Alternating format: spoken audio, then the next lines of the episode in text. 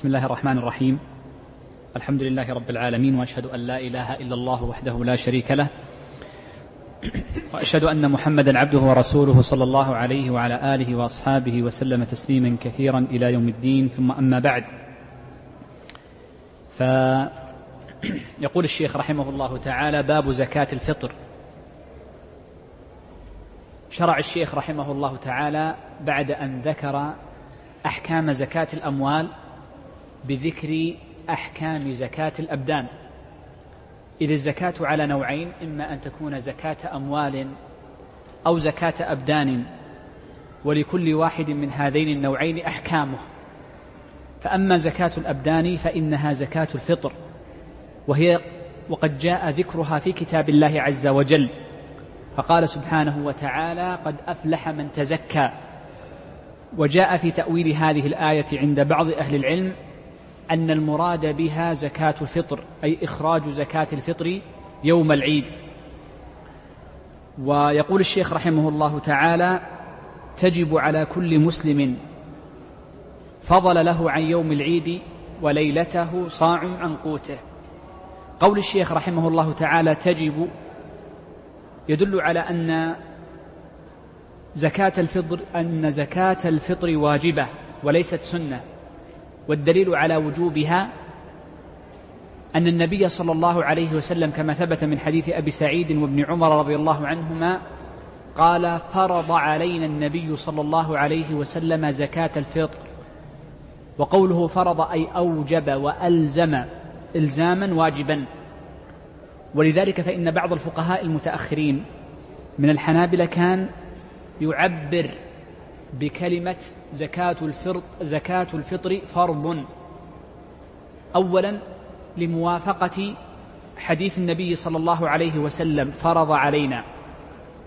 والفقهاء عن الحنابلة بالخصوص يفرقون بين الواجب والفرض. يفرقون بين الواجب والفرض. فيجعلون الفرض ما لا بديل له ليس له بديل ولا يقوم غيره مقامه. فلا يكون له بدل ولا نائب.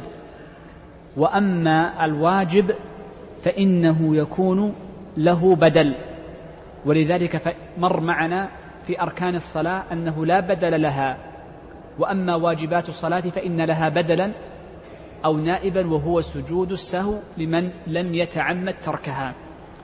ولذلك فمن الفقهاء من يعبر بالفرض ومنهم من يعبر بالوجوب ومنهم من جمع بين الثنتين. فقال زكاة الفطر واجبة وقيل فرض أو قال وتسمى فرض وهي طريقة صاحب التوضيح رحمة الله على الجميع. نعم. قال الشيخ تجب على كل مسلم أما وجوبها على كل مسلم فلأن المسلم هو الذي في الأصل مخاطب بالتكليف وأما غير المسلم فقد تقرر معنا في غير ما موضع أنه مؤاخذ على تركه الفرائض لكن لو أدى الفرائض لا تصح منه. فالوجوب هنا وجوب صحة. وأما المؤاخذة فإنها تجب على المسلم وعلى غيره. وقول الشيخ رحمه الله تعالى تجب على كل مسلم الوجوب أمران في هذه الجملة. فهو وجوب على كل مسلم أن يخاطب بها يتعلق به الوجوب. وقد تكون على أي بحسب عدد الرؤوس التي سيذكرها الشيخ في آخر الجملة.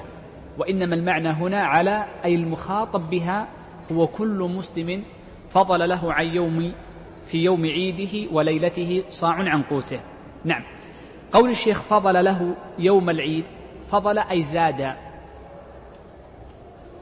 زاد عنده من المال والقوت ما يكفي عن صاع.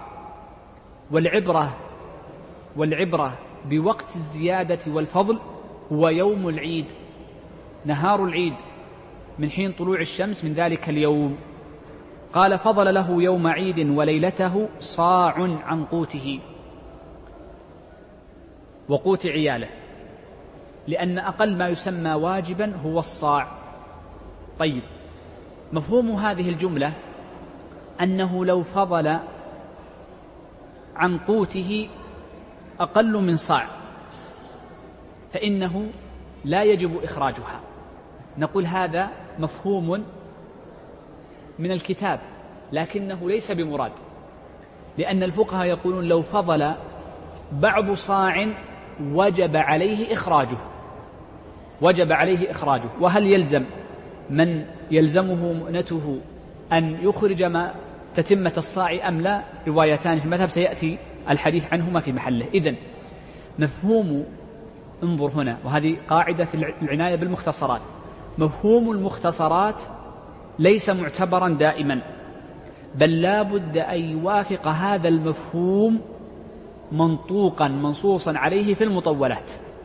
لا بد أن يكون هذا المفهوم منصوص عليه في المطولات. وقد كنت, وقد كنت قد ذكرت لكم في أول الدرس في كيفية التعامل مع المختصرات أننا نعرف أن المختصرات تصحيحها تصحيح التزامي وليس تصحيحا نصيا وإنما هو تصحيح التزامي. هذا في المنطوق. فمن باب أولى وأحرى المفهوم الذي يؤخذ منه. وهذه من المفاهيم التي لا تكون معتبرة من هذه الجملة. نعم. وسيمر معنا إن شاء الله مفاهيم صحيحة. يقول الشيخ عن قوته وقوت عياله وحوائجه الأصلية. طيب. المراد بقوته وقوت عياله أي عياله الذين ينفق عليهم كزوجته وأبنائه وخادمه وكل من ينفق عليه. وليس المراد بعياله أبناؤه وليس المراد بعياله أبناءه وإنما المراد من يعولهم ويقوم بنفقتهم. قال وحوائجه الأصلية. المراد بالحوائج أي ما يحتاج إليه ما يحتاج إليه هو ولمن يعوله أي من تلزمه نفقته. وقد مثلوا وقد مثلوا لهذه الحوائج الأصلية أي التي يحتاج إليها بأمور. فقالوا كمسكنه وخادم وخادمه وثيابه ولو كانت الثياب ثياب بذلة يعني أنها تستخدم في غير اللبس وإنما لنوع الراحة والترفه ونحو ذلك. وذكر بعضهم وهو الموفق بن قدامة رحمه الله تعالى من الأشياء التي هي من حوائجه الأصلية قال ككتب علم إما لقراءة أو لحفظ. فإنه لا يلزمه أن يبيع هذه الكتب لأجل آه، إخراج زكاة الفطر لأنها من الحوائج الأصلية وهي كثيرة جدا وهي كثيرة جدا. الحوائج الأصلية تختلف باختلاف الأعراف. يقول الشيخ ولا يمنعه الدين إلا بطلبه. أي أن الشخص إذا كان عليه دين إذا كان على الشخص دين ولو كثيرا يستوعب ماله كله فإن هذا الدين لا يمنع الزكاة. زكاة إيش؟ البدن. أما زكاة المال ماذا كنا قلنا؟ يمنع. عكس ذلك يختلف. ما السبب؟ قالوا لأن الزكاة هنا زكاة الفطر زكاة بدن زكاة بدن. بخلاف الزكاة الأولى فإنها زكاة مال فيكون المال متعلق بعضه ببعض. قال إلا بطلبه أي إلا أن يكون المال صاحبه يطالبه به. يقول ادفع الآن. فيلزمه أن ينفق ماله الذي بيده الزائد عن مؤنته لسداد الدين فإنه أولى من إخراج زكاة الفطر لأن حقوق العباد مبنية على المشاحة وحقوق الله عز وجل مبنية على المسامحة. قال فيخرج عن نفسه. يخرج المراد بالإخراج هو الإيصال للفقراء. هو الإيصال للفقراء فيشمل الإخراج مع الصرف. وسنتكلم بعد قليل ما الفرق ما الفرق بين الإخراج والصرف في الباب الذي يلي هذا الباب بمشيئة الله عز وجل. فالمراد بالإخراج أي إيصالها لمستحقها. قال فيخرج عن نفسه. ومسلم يمونه ومسلم يمونه. الشخص المخاطب بزكاة الفطر من حيث الوجوب عليه تجب على الشخص ويخاطب بها من ينفق عليه. فالشخص إذا كان ينفق على نفسه فإنه هو فإنه يكون واجبا عليه إخراجها. وإذا كان ينفق على غيره كأبنائه ووالديه وخادمه ونحو ذلك فإنه في هذه الحالة فإنه في هذه الحالة يلزمه ويكون الخطاب متجها إليه بإخراج الزكاة عنهم فإن لم يخرج عنهم أثم بهذا الفعل. قال ومسلم يمونه. نوع أو, أو, أو, أو الأشخاص الذين يمونهم المسلم لماذا قال ومسلم يمونه لأن الزكاة إنما تجب على المسلم دون الكافر وهذا ذكرناها في البداية. وقد كنت ذكرت لكم قبل قليل أن الوجوب نوعان أليس كذلك؟ الوجوب الأول المخاطب بالوجوب والنوع الثاني الشخص المتعلق به الوجوب. المخاطب هو المسلم الكلمة مسلم الأولى. ومسلم الثانية متعلقة بالمعنى الثاني.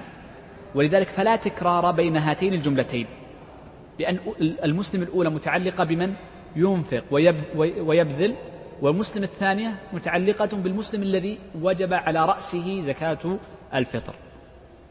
نعم نقول إن الذين يمونهم الشخص نوعان في باب زكاة الفطر نوعان من الناس نوع تلزم نفقتهم تلزم نفقتهم. فكل من لزمت نفقته لزم إخراج زكاة الفطر عنه. ومن تلزم نفقته إما أن إما أن يكون ولدا وإما أن يكون زوجة. وهذا بلا إشكال وهو باتفاق أهل العلم أن الولد والزوجة تجب نفقتهم. وإما أن يكون من الأقارب. قد يكون الذي يجب نفقتهم من الأقارب. وهذا هو المذهب أن نفقة الأقارب واجبة. ولا تجب النفقة على الأقارب. وهذا سنتكلم عنها إن شاء الله في باب النفقات إن مد الله في العمر. ولا تجب النفقة على الأقارب إلا بأحد أمرين. إما بعرف يقتضيه أو بحكم حاكم. فإذا كان العرف يقتضي أن فلانا هو الذي ينفق على أبيه أو على أمه أو على أخيه سواء كان أخوه يعني عاقلا أو غير عاقل صغيرا أو كبيرا فما دام هو المعتاد أنه ينفق عليه فإنها تلزمه من باب الوجوب عليه النفقة. فمن باب التبع يجب عليه أن يخرج زكاة الفطر عن هؤلاء. يجب عليه أن يخرج زكاة الفطر عن هؤلاء. إذا هذا النوع الثاني قلنا الأول الزوج والولد الثاني الأقارب. النوع الثالث ممن تلزم المرأة نفقته قالوا الخادم. ونعني بالخادم الذي يملكه. فمن ملك عبدا أو أمة فإنه تلزم عليه نفقتهم تلزم عليه نفقتهم فمن باب التبع أنه تلزم عليهم أو تلزم عليه لهم إخراج زكاة الفطر.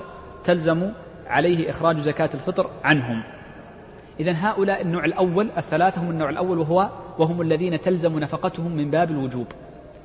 النوع الثاني من الذين يمونهم من الذين يمونهم المسل يمونهم الشخص. قالوا من تطوع أو تكفل بنفقته من باب التطوع لا من باب الوجوب الأولى من باب الوجوب والثانية من باب التطوع من باب التطوع. فمن تطوع بنفقة شخص بحيث أنه ينفق عليه جميع أوجه النفقة والمؤنة فإنه يجب عليه إخراج زكاة الفطر عنه وجوبا بشرط أن يكون قد أنفق عليه شهر رمضان كله. يجب. إذا الأول الوجوب وإن لم ينفق عليه شهر رمضان. لأنه متعلق به. الثاني الذي هو التزم وتكفل من باب التطوع بالنفقة على شخص شرطه أن يتطوع بالنفقة عليه شهر رمضان كله. مثل ماذا؟ قالوا لو أن امرأ يعرف رجلا زمنا. زمنا لا يعمل. فقال أنا ما الذي تريد سأقوم بمؤنتك كلها؟ لا يعطيه مال باب الصدقة لا. هو الذي يقوم بأجرة بيته وهو الذي يقوم بشأنه كله. أو وجد يتيما فرباه في بيته. رباه. رباه عنده في هذا الشهر. فإنه في هاتين الحالتين وفي غيرها من الحالات يجب عليه إذن أن يخرج النفقة عن هؤلاء. يجب عليه وجوبا لأنه تكفل شهر رمضان كاملا. تكفل والتزم بنفسه. طيب. قال ولو شهر رمضان. ولو هنا ليست للخلاف لا. ولو هذه لو للتقليل. وقد ذكرت لكم قبل أن الشيخ منصور لما تكلم عن لو قال إنها أحيانا تكون للتقليل وأحيانا وأحيانا للخلاف وغير ذلك. هنا لو للتقليل. وهي متعلقة بالنوع الثاني ممن ممن يعني يمونه الشخص وهو الذي تكفل بالقيام بنفقته ولو. أي أقل شيء أن يكون شهر رمضان وجعلته أنا شرطا. هنا قال ولو يعني من باب التقيل أي أقل وأقل ما يلتزم به أن يكون في شهر رمضان. طيب. قال فإن عجز عن البعض بدأ بنفسه.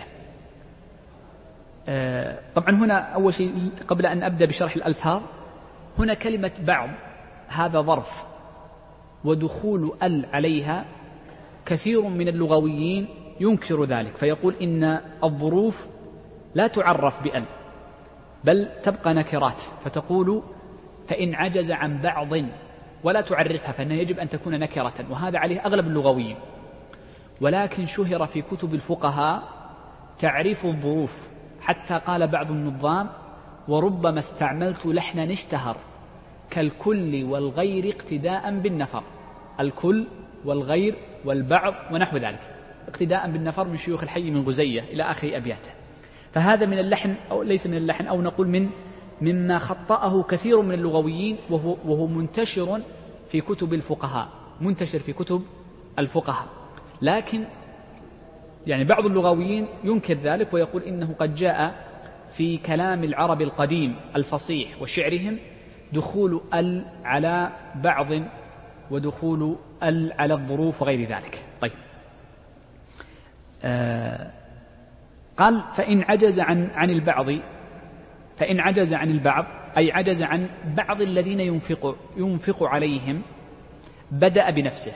هنا بدأ الشيخ بذكر القوة من حيث قوة الذين يلتزمه نفقتهم فقال بدأ بنفسه فيخرج عن نفسه صاعا. فإن فضل عن ذلك صاع آخر أو بعض صاع فامرأته لأن امرأته يجب عليها نفقتها من باب اللزوم ويقضى عليه بها. قال فرقيقه ثم بعد امرأته يأتي رقيقه لأن رقيقه لا تعل يعني نفقتهم قائمة عليه دون من عداه. قال فأمه فأمه لأن أمه آه، أولى بالبر من أبيه فلذلك قدمت وهنا هذا من باب الصدقات ففيه معنى البر ففيه معنى البر فتقدم الأم على الأب. قال فأبيه لأن حق الأبوين عظيم. قال فولده بعد ذلك لأن الولد يأتي من حيث الدرجة بعد ذلك. قال فأقرب في الميراث أي فيكون أقرب في الميراث يقدم بعد ذلك. وإلا لو نظرنا من حيث القوة في الميراث فإن الابن أقوى من الأب ولكن هنا قدموا الأب أو الأبوين على الولد قالوا لمعنى البر فإن البر والإحسان لهم أولى. قال والعبد بين شركاء عليهم صاع.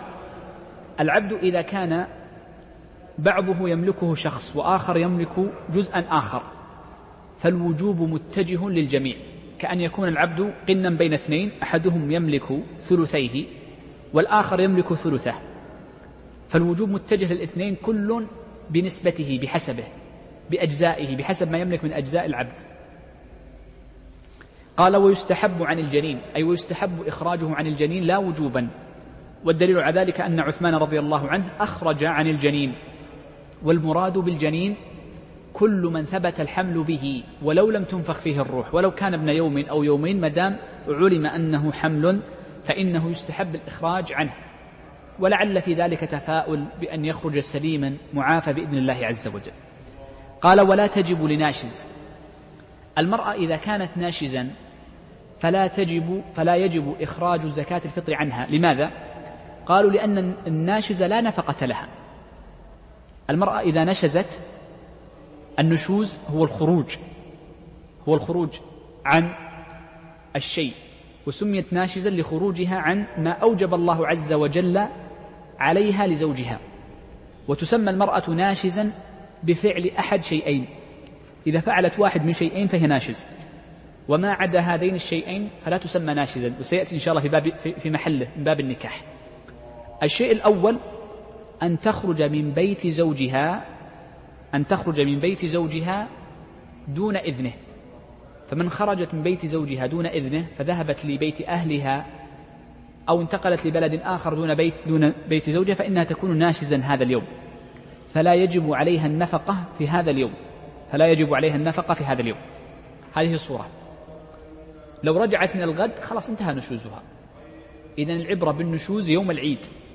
فلو أن امرأة نشزت العشرة أيام الأول من رمضان ثم رجعت إلى زوجها ولو قبل العيد بيومين أو ثلاثة فإنه يجب عليه أن ينفق عليها. هذا الأمر الأول. الأمر الثاني الذي تسمى به المرأة ناشزا أن تمتنع من حق الزوج وهو الوطء إذا امتنعت من من من من من, من يعني تمكين نفسها الامتناع من التمكين فإنها تسمى ناشزا وإن كانت في بيت زوجها. ما عدا ذلك من الأوصاف لا تسمى المرأة ناشز. مهما كان خلقها سيئا مهما كانت يعني تفعل من الأمور فإن هذا لا يسمى نشوز. النشوز هو واحد من هذين الأمرين وهو الذي ذكره الفقهاء رحمهم الله تعالى. المذهب عند الفقهاء وهو من مفردات مذهب الحنابلة وهو قول صحيح من حيث الدليل أن النشوز يتبعض. وما معنى كونه يتبعض؟ يعني لو أن المرأة تنشز في الليل دون النهار يعني في النهار تذهب لعملها تخرج بيتها من العمل بدون إذن زوجها ولكنها تعود لبيتها في الليل فإنها تكون ناشزا في الليل دون النهار في الليل دون النهار. ولذلك يقولون من كانت تخرج من البيت في النهار دون الليل فهل تلزم زكاة الفطر لزوجها على زوجها أم لا؟ المذهب يرون التبعيض فتجب نصف النفقة لا كلها لا يجب عليها الكل. أما من كانت تخرج في النهار دون الليل فيرون أنه كذلك يتبعض شوف يتبعض زكاة الفطر فيجب عليه بعضها لا كلها. هذه في إحدى الروايتين والرواية الثانية أنها تجب لأن زكاة الفطر لا تتبعض. طيب. طبعا هذا مفردة المذهب. الجمهور يرون أن النشوز لا يتبعض. لو نشزت بعض النهار نحكم بأنها نشزت اليوم كله. نشزت اليوم كله فعندهم اليوم لا يتبعض. طيب. قال ومن لزمت غيره فطرته. فأخرج عن نفسه بغير إذنه أجزأت. ما معنى هذه الجملة؟ إحنا تكلمنا قبل قليل أن الوجوب في الأصل متجه على المنفق. على المنفق. الذي لزمت الفطرة على هذا المنفق. هذا من تعلق به الوجوب. لكن من تعلق ببدنه الوجوب هو الفرد. هذا الذي تعلق به شوف من تعلق به الوجوب الفرد. الذي هم من الرؤوس الأشخاص. لو أن أحدا منهم مع أنه ليس مخاطبا بالوجوب أخرج الزكاة من طريقه. يعني شخص ينفق عليه أبوه وهو جالس في بيت أبيه ينفق عليه هو الذي مسكنه يسكن في بيت أبيه وهو الذي يأكل في بيته ولكن عنده مال. قال أريد أن أخرج زكاة الفطر عن نفسي. من غير أن يخبر من خوطب به نقول صح. لماذا صح؟ قال لأن هذا الشخص هو الأصيل. وأما من لزمه الوجوب وتعلق به الخطاب فهو نائب ومتحمل. والأصل متعلق بالأصيل فلا يحتاج إلى وكالة بخلاف العكس. العكس لابد من وكالة. الأصيل إذا أراد أن ينقله لغيره فإنه يكون يعني يحتاج إلى وكالة ولكن هنا ليس كذلك. طيب. لكن هنا شرط لابد أن نذكره سيأتي بعد قليل أنه لا يصح إخراج هذا الشخص الزكاة عن نفسه إلا أن يكون بالغا. الصغير إذا أخرج زكاة ماله عن نفسه ما تصح. وسيأتي الحديث بعد قليل يقول الشيخ وتجب بغروب الشمس ليلة الفطر. هذه المسألة مسألة وهي مسألة وقت الوجوب. وقت الوجوب. عندنا مسألتان. مسألة وقت الإخراج وسيأتي بعد قليل في الجملة التي بعدها. وهذه المسألة وقت الوجوب أي متى يجب على الشخص متى تجب على الشخص؟ قال تجب بغروب الشمس ليلة الفطر. تجب بغروب الشمس ليلة الفطر. لماذا؟ قال لأن الوجوب متعلق بيوم العيد. لأن الوجوب متعلق بيوم العيد. والقاعدة الشرعية أن اليوم يتبع الليلة التي قبلها ولا يتبع الليلة التي بعدها. واضح هذه القاعدة؟ قلنا يوم العيد يوم العيد وليلته. ليلة العيد هي السابقة أم اللاحقة؟ هي السابقة. قاعدة عندنا ليس لها إلا استثناءان أو ثلاثة سأذكرها الآن. قاعدة. كل حكم يتعلق باليوم فإن اليوم يكون تابعا لليلة السابقة. إلا يوم عرفة ويوم عيد الأضحى وأيام النحر فإنه يكون متعلق بما بعده للحاج فقط. للحاج فقط. وما عدا ذلك من الأحكام فإن اليوم الأحكام المتعلقة به يكون مع الليلة السابقة له وذاك نحن الآن في ليلة الأحد لسنا في ليلة السبت. وبدأ يوم الأحد وليلته من حين غروب الشمس. ما يقوله بعض الناس أن اليوم يبدأ من الساعة الثانية عشر في الليل؟ يعني ما مر علي أن في أحد من العرب قال ذلك ولا يوجد في الأحكام الشرعية ذلك مطلقا أي حكم؟ وإنما الحكم إما أن يتعلق بالنهار فيبدأ بالفجر وإما أن يتعلق باليوم والليلة فيتعلق من غروب الشمس. طيب. نعم. آه نعم يقول وتجب بغروب الشمس ليلة الفطر. ليلة الفطر أي يوم الفطر. يوم عيد الفطر. ليس المقصود بالفطر لمن كان صائما فقد يكون الشخص غير صائم ومع ذلك يجب عليه بأن يكون مسافرا أو مريضا. قال فمن أسلم بعده الآن أراد أن يبين فائدة هذا الوجوب وقت الوجوب. قال فمن أسلم بعده أي بعد وقت الوجوب. أو ملك عبدا ملك عبدا بعد وقت الوجوب. أو زوجة. أو ولد سأعيد لمسألة لغوية تتعلق. أو زوجة. أو ولد له ولد. أو ولد له ولد. لم تلزمه فطرته. إذا أسلم الشخص الكافر بعد الغروب أو اشترى عبدا أو تزوج امرأة أو ولد له مولود بعد غروب الشمس لم يلزم وإنما هو مستحب ليس واجب لم تلزمه فطرته. لماذا؟ لأن وقت الوجوب وقت الغروب لم يكن واجبا عليه نفقتهم وليسوا يعني متعلق الوجوب به. قال وقبله أي قبل الغروب تلزمه. فمن أسلم قبل الغروب ولو بلحظة أو ملك عبدا أو تزوج زوجة أو ولد له ولد فإنه يلزمه إخراج الزكاة الفطر عنهم.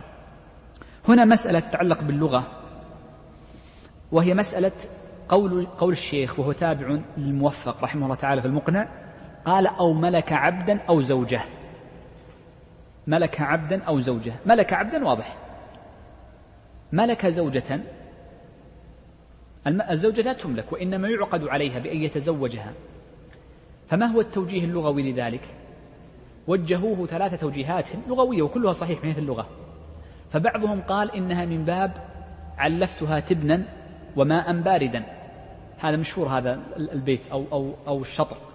أي علفتها تبنا وأسقيتها ماء باردا يقصد الدابة التي عنده. فهو من باب العطف هنا على على المحل. وقال بعضهم يجب أن نقدر تقديرا. فتقول مثلا ما ملك عبدا فتقدر عاملا فقل ملك عبدا أو تزوج امرأة مثل ما قلت قبل قليل في التلفظ. وهذه مشي عليها بعض الشراح. وقال بعضهم مثل آه، ابن أبي الفتح البعلي في المطلع وجهها توجيها ثالثا. فقال إنه يقدر مضاف يقدر مضاف. فيقول أو ملك عبدا أو ملك منفعة بضع زوجة زوجة. أو ملك منفعة بضع الزوجة لأن المعقود عليه هو البضع. وليس والمقصود بالبضع البضع تكلمت عنه مرة قلت لكم إن أبو الوفاء بن عقيل قال كثير من الفقهاء أو لا يفهم معنى المراد. المراد بالبضع هنا إنما هو الاستمتاع الاستمتاع. ونحن قلنا قبل قليل إن النشوز بترك التمكين هو ترك للحق الواجب شرعا. نعم. يقول الشيخ, الشيخ ويجوز إخراجها قبل العيد بيومين فقط لحديث ابن عمر رضي الله عنهما المعروف. قال ويوم العيد قبل الصلاة أفضل. يعني أفضل وقت أن تخرج يوم العيد ليس في ليلته وإنما يوم العيد قبل الصلاة. وتكره في باقيه أي في باقي وسائر يوم العيد يعني بعد الصلاة. ويقضيها بعد يومه آثما. هذه الجملة نستفيد منها وقت إخراج زكاة الفطر. وقت الوجوب انتهى المتعلق به وقت الوجوب. لكن وقت الإخراج نقول هذه الجملة نستفيد منها أن لإخراج زكاة الفطر أربعة أوقات. أربعة أوقات. الوقت الأول هو وقت الجواز. فيجوز له أن يخرج زكاة الفطر قبل العيد بيومين فقط. قبل العيد بيومين فقط. وكيف يحسب اليومان؟ قالوا يحسب اليومان باعتبار أن الشهر تام. شوف باعتبار أن الشهر تام. وعلى ذلك فإنه من غياب شمس يوم الثامن والعشرين ولا لا؟ نعم يوم غياب الشمس الثامن والعشرين فيجوز للشخص أن يخرج زكاة فطرة. اليوم الثامن التاسع والعشرين له مع ليلته واليوم الثلاثين مع ليلته. إذا هذا يومان. لو كان الشهر ناقصا لو كان الشهر ناقصا فيكون في هذه الحالة عجلها يوم واحد فقط. من غياب شمس 28 ولذلك قال ابن عمر رضي الله عنه رخص لنا بيوم أو يومين. يوم أو يومين. ليس محمول على اختلاف التنوع وإنما على اختلاف الأحوال. فإن كان الشهر تاما كان رخص لهم بيومين. وإن كان الشهر ناقصا كان بيوم واحد. رخص لهم بيوم واحد. طيب إذا هذا الوقت الأول وهو وقت الجواز. الوقت الثاني وقت الأفضلية وهو الذي قال فيه الشيخ ويوم العيد قبل الصلاة أفضل. هنا قال أفضل. هذا وقت الأفضلية. فأفضل وقت لإخراج زكاة الفطر يبتدئ من ابتداء يوم العيد. من ابتداء يوم العيد. يوم العيد. ووقت يوم العيد من طلوع الفجر. فمن حين أذان الفجر يبدأ وقت العيد. قبل الصلاة. وهذا منتهى وقت الأفضلية أن يكون قبل الصلاة. قبل الصلاة. يقولون أو قدر الصلاة لمن لم يصلي. كان في منطقة لا صلاة فيها قد يكون شخص في بلد لا يصلون العيد مثلا. وهذا موجود لأسباب مختلفة مثلا. فيعني من الأسباب مثلا يعني مثلا شخص في بلد وهذا وجد في هذه السنة في بعض البلدان أحد البلدان آه، جاء وافق يوم العيد عندهم اليوم الوطني. هذه السنة. وافق اليوم الوطني أو العيد الوطني يسمونه عيدا. فجاءت فجاء رئيس تلك البلدة فقال سوف نؤخر العيد ثلاثة أيام. لماذا أخرته؟ فقط لكي لا يتعارضان أخرها ثلاثة أيام. وجد هذه السنة في أحد الدول في وسط آسيا. إذا إذا مجرد التأخير هكذا بالتشهي. إذا هذا التأخير لا عبرة به ليس العبرة بالناس وإنما هو للتشهي. لا بدليل ولا بحساب ولا باعتبار. فنقول هنا تصلي إن لم يكن تخرج زكاة الفطر في وقت الثابت شرعا. الثابت شرعا وإن لم يكن الناس يصلون فيه. طيب. إذا هذا هو الوقت الثاني وهو وقت الأفضلية. الوقت الثالث وقت الكراهة وهو قول الشيخ وتكره في باقيه أي في سائر يوم العيد. يجوز لك أن تخرجها بعد صلاة العيد وقبل غروب الشمس لكنه مكروه. مكروه. خلاف الأولى. خلاف الأولى. الأمر الوقت الرابع الوقت المحرم لمن كان متعمدا وهو من أخرها بعد يوم العيد. يعني بعد أذان المغرب من يوم العيد. لا يجوز للشخص أن يؤخرها لا يجوز. لا يجوز له أن يؤخرها إلى بعد أذان المغرب عالما. فإن كان متعمدا يكون آثما. طيب ماذا يفعل؟ يقضيها. فإنها باق متعلقة بالذمة واجبة. جزاك الله خير. فإنها تكون واجبة ومتعلقة بالذمة. تكون واجبة ومتعلقة بالذمة. طيب. لأن بعض الناس لما يعني في قول النبي صلى الله عليه وسلم من أداها في هذا اليوم فإنها زكاة أو صدقة. زكاة. ومن أداها بعد ذلك فإنها صدقة من الصدقات. أي ليس معناها أنها ليست زكاة فطر بل هي زكاة فطر. ولكن صدقة من الصدقات أي تقضى كسائر الصدقات. فهي صدقة كسائر الصدقات تقضى بعد هذا اليوم. طيب. يقول الشيخ فصل بدأ الشيخ بعض أحكامها المتعلقة بذات ما يخرج. قال ويجب صاع من بر. قول الشيخ ويجب صاع من بر تدلنا هذه الجملة على أنه لا يجوز إخراج زكاة الفطر نقدا لا يجوز وهذا صحيح. فإن النبي صلى الله عليه وسلم إنما فرض زكاة الفطر من أشياء كان الناس يقتاتونها وهي ستة أشياء سيأتي ذكرها. ولم يأمر النبي صلى الله عليه وسلم أو, أو يبيح إخراجها نقدا مطلقا. مع وجود النقد في ذلك الزمن. مع وجود النقد في ذلك الزمن. هذا من جهة. ومن جهة أخرى أن أبا سعيد رضي الله عنه قال صاعا من طعام. إذا قلنا أن المراد بالطعام هنا هو مطلق الطعام وليس المراد به البر. لأنهم أحيانا يسمون البر طعاما. فهنا يدل هذا نص على أنه لا بد أن تخرج من الطعام دون ما عدا ذلك وهو الصحيح ولا شك. يقول الشيخ ويجب صاع من بر. طبعا ما الحكمة؟ بس هنا نأخذ من وقتكم يسيرا. ما الحكمة في أن زكاة الفطر يجب أن تكون طعاما؟ مع أن الناس في حاجتهم ربما للنقد أكثر. نقول هناك حكمة عظيمة جدا. أن الشخص إذا أراد أن يبحث عن المستحق لزكاة الفطر فإنه لن, سيبحث أو سينظر إلى أشد الناس حاجة. فإن أشد الحاجة هي الحاجة إلى الطعام كما سيمر معنا بعد قليل إن شاء الله عندما نتكلم عن الفقير. أشد الحاجة الحاجة إلى الطعام. فعندما تبحث عن أشد الناس حاجة فقطعا ستجد في طريقك عشرات المحتاجين لسكن والمحتاجين إلى ملبس والمحتاجين إلى غير ذلك من الأمور سنذكرها بعد قليل. ولا يظن بمسلم يرى هؤلاء ولا يعطيهم شيئا. وإذا تأملت كيف أن النبي صلى الله عليه وسلم أمر بإخراج الزكاة قبل قبل الصلاة وأمر بعد الصلاة بالإكثار من الصدقة عرفت كيف أن الشخص إذا أخرج زكاة فطره بنفسه وبحث عن المحتاجين في بلده وتفقدهم فإن في ذلك حكمة عظيمة لمعرفة المحتاجين. والعجيب أن الشخص يبحث ليس عن الفقير بل عن أشد الناس حاجة وأشدهم فقرا متى؟ في يوم فرحه. الناس العادة في ليلة العيد يبحثون عن أجمل اللباس يشترون. انظر الأسواق ليلة العيد تجدها تمتلئ بالناس. المتبع للسنة على كمالها لا يوكل. ولا يجعل غيره يخرجها وأخرجها على حقيقتها في هذه الليلة لأن هذا أفضل الأوقات لإخراج الزكاة. يذهب ويتتبع الأزقة. لا يبحث عن فقير بل عن أشد الناس حاجة وفقرا ليعطيه الزكاة. ذلك الحكمة عظيمة جدا.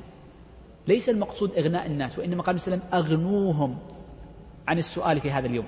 أغنوهم عن السؤال في هذا اليوم فقط. ليس المقصود إغناءهم مطلقا فإن هذا وقتها وقت الزكاة الفطر زكاة المال.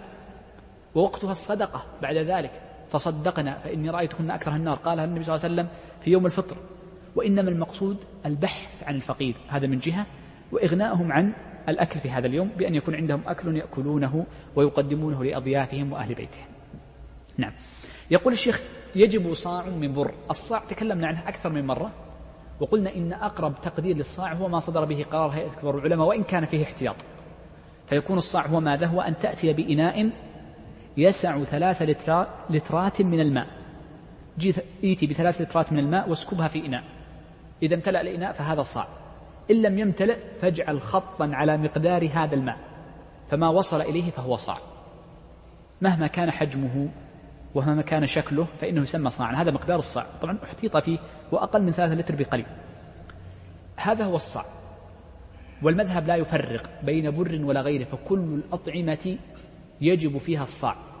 نعم معاوية رضي الله عنه قدر السمراء المدين مقابل صاع ولكن أنكر عليه الصحابة كأبي سعيد وغيره فقال وأما أنا فأخرجها كما كنت أخرجها في عهد النبي صلى الله عليه وسلم صاعا من طعام. نعم يقول الشيخ يجب صاع من بر. البر هو المعروف أو شعير هنا لما قلنا البر أو الشعير أي على هيئته حبا حب. كما هو حب. ليس مطحونا ولا يلزم تنظيفه أيضا بل يجوز إخراج البر أو الشعير مع وجود القشر معه. ما يلزم تنظيفه وإنما استحب بعض أهل العلم استحبابا من السلف ونص عليه جماعة من أهل العلم ومنهم الإمام أحمد أنه يستحب تنظيفه فيكون أنظف فيكون أنظف يعني منظف يعني زي المشخول يعني معروف المنظف قال أو دقيقهما. لا يجوز إخراج الدقيق إلا من دقيق البر والشعير فقط دون ما عداه والدقيق معروف هو البر أو الشعير إذا طحنا إذا طحنا. قال أو سويقهما أو قال أو سويقهما لأنها معطوفة على من بر. المراد بالسويق مثل الدقيق لكن السويق هو أن يحمص الدقيق البر والشعير يحمص يعني يعني يطبخ على نار يسيرة. ثم بعد تحميصه يطحن. هذا الفرق بين الدقيق وبين السويق. هذا الفرق بينهما. واضح الفرق بينهما. طيب. لا خبزا ما يجزئ سيمر معنا. أنه إذا طبخ خلاص خرج عن عن كونه دقيقا أو أو أو سويقا أو أو أو, أو شعيرا. طيب انظر هنا. كيف تخرج صاعا من دقيق أو سويق؟ من دقيق أو سويق الشعير أو البر فقط. كيف تخرجه؟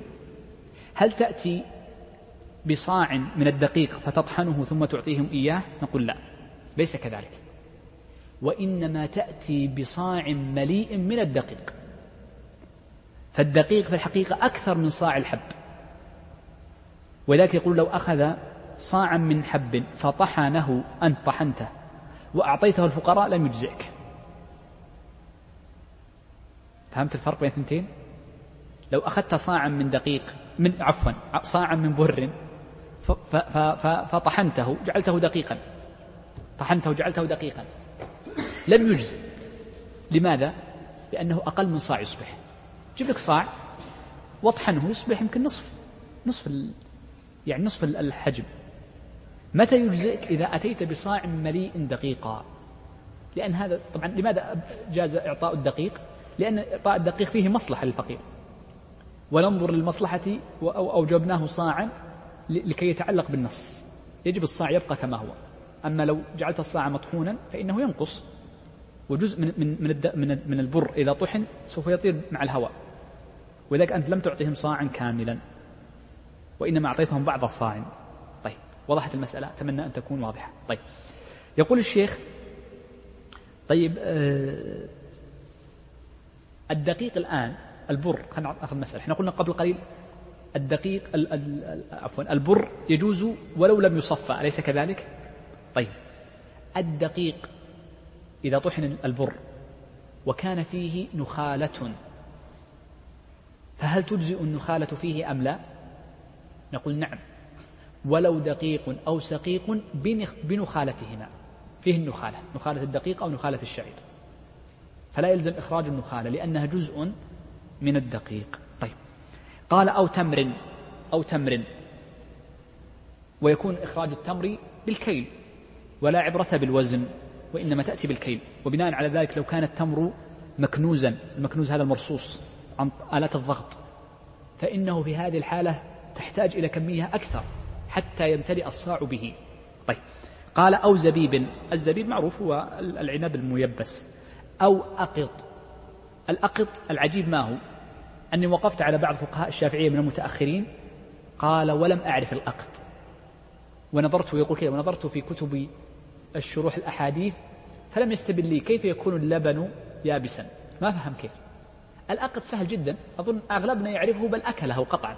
والنبي صلى الله عليه وسلم أكله وكان يأكله في أكثر من هيئة إما يأكله على هيئته عليه الصلاة والسلام وإما أن يجعله حيسا. فإن النبي صلى الله عليه وسلم جعله حيسا كيف حيس؟ دقيق أقط مع تمر مع سمن يخلط ويكون عجينا. وهذا الذي جعله النبي صلى الله عليه وآله وسلم وليمة لزوجه زينب رضي الله عنها.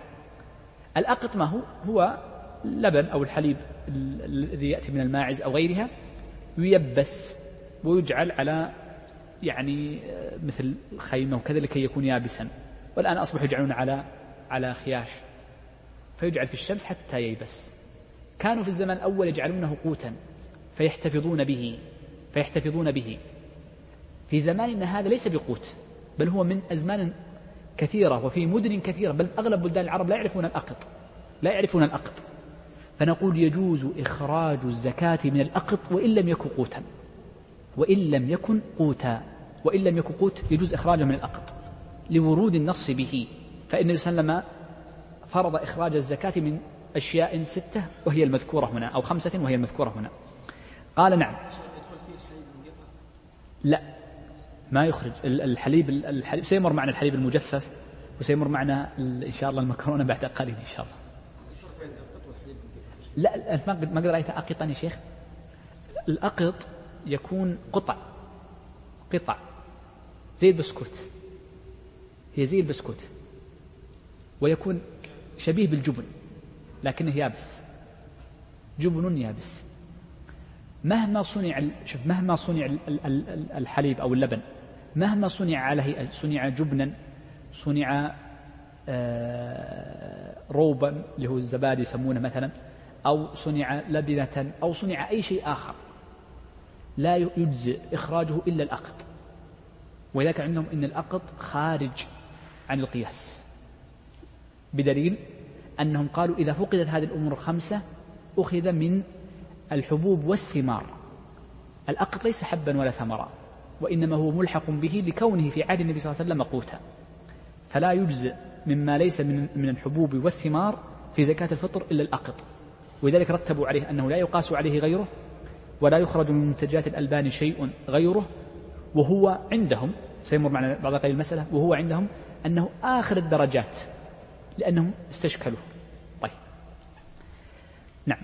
قلنا أو أقط سواء كانت قوتا أو لم يكن قوتا. طيب عندنا هنا مسألة أو مسألتان. المسألة الأولى هنا الشيخ قال صاع من صاع من بر أو أو هذه تقتضي ماذا؟ المغايرة. يعني يجب أن يكون الصاع إما برا وحده أو شعيرا وحده أو دقيقا وحده أو سويقا أو زبيبا أو أقطا أو تمرا. هذا الذي يقتضي ظاهر اللفظ. لكن نقول يجوز أن يخرج صاعا منها. يجوز أنه يخرج صاعا منها. يأتي بصاع يجعل نصفه دقيقا أو برا ويجعل نصفه الثاني تمرة. يجوز.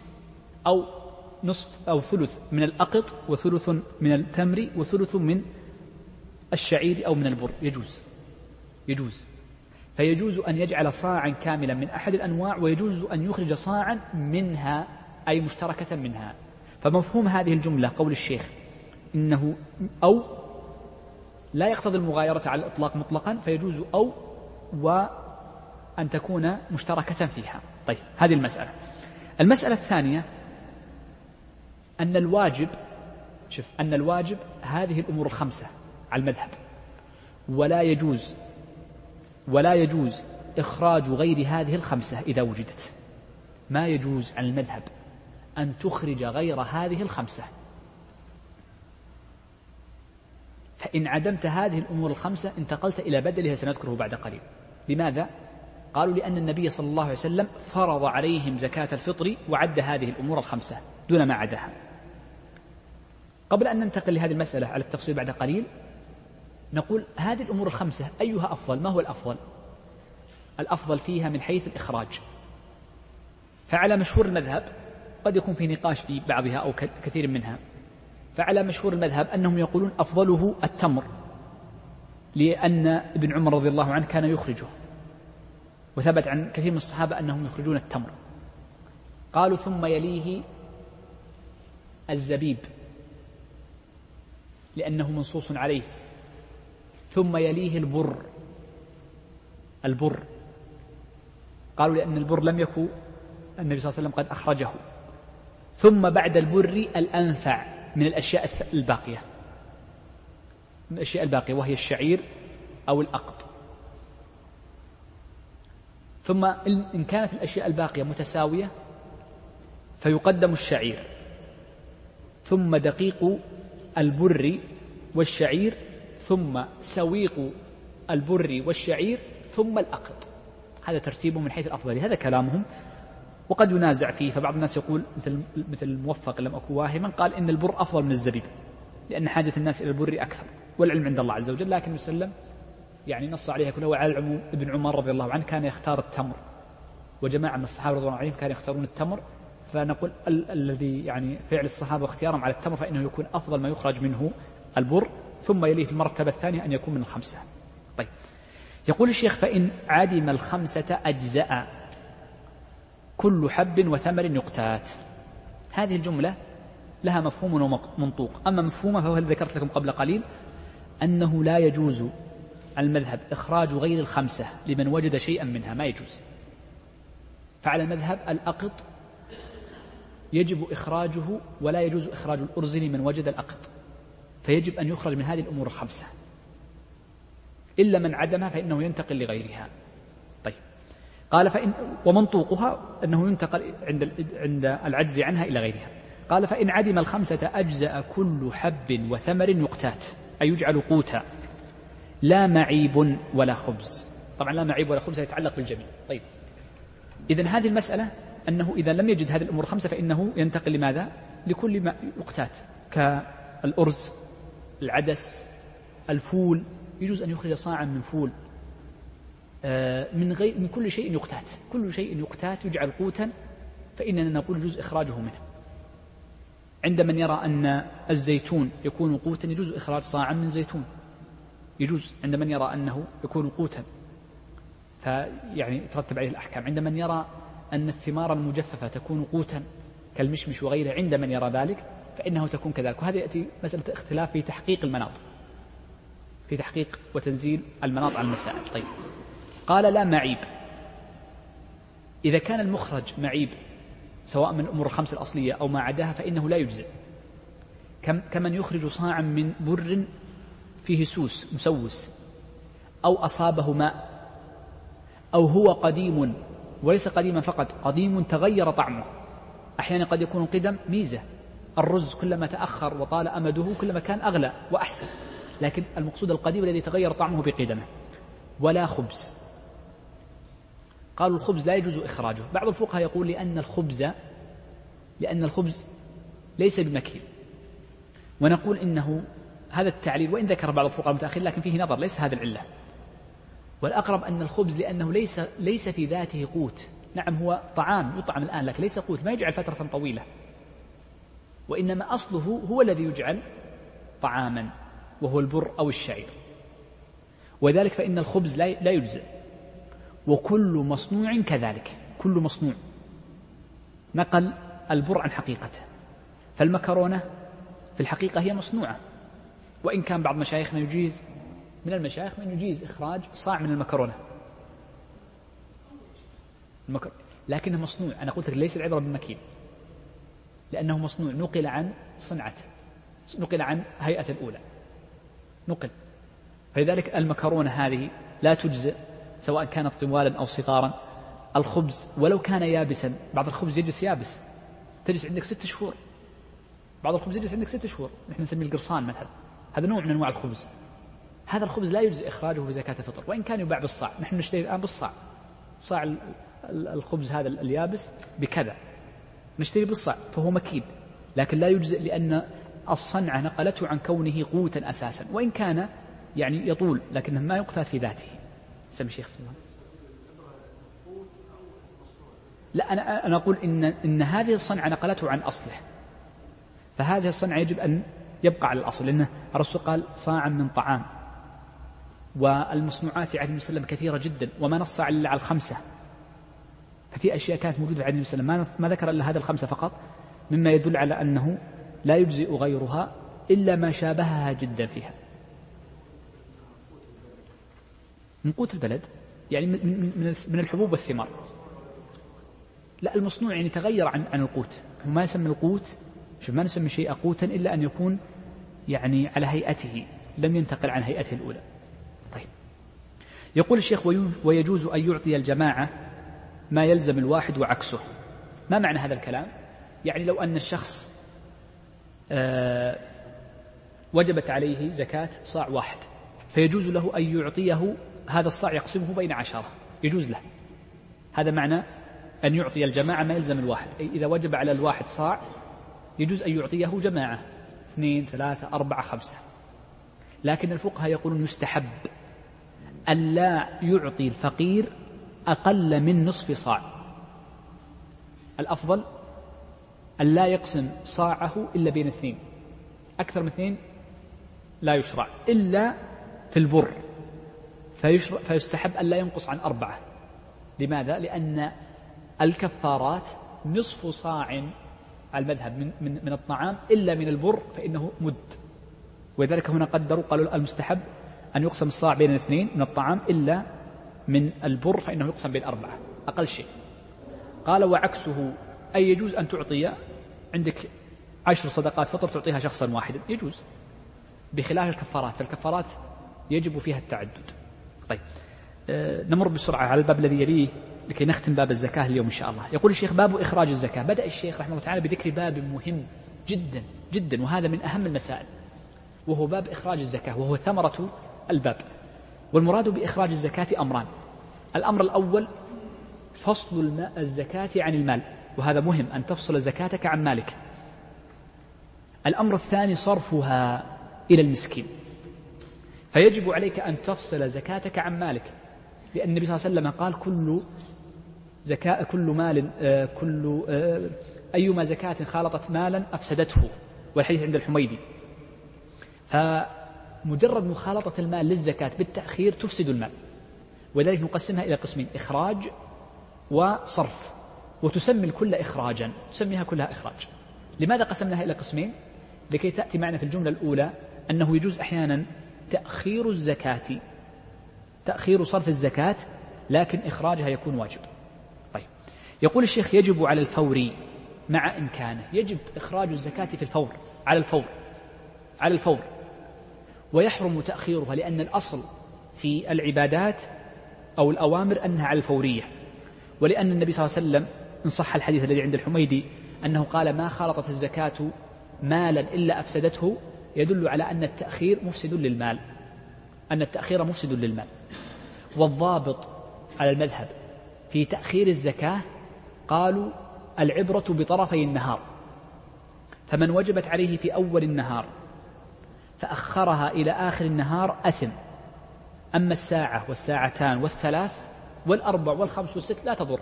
قالوا لأنها صعب صرفها في لحظة واحدة. ولكن تأخيرها إلى آخر النهار يأثم. فالعبرة بطرفي النهار. يعني نقول نصف اليوم تقريبا. هذه المسألة الأولى. وهو أنه تجب الزكاة على الفور إخراجا إخراجا وصرفا هذا الأصل. قال إلا لضرورة. وانتبه هنا مصطلح.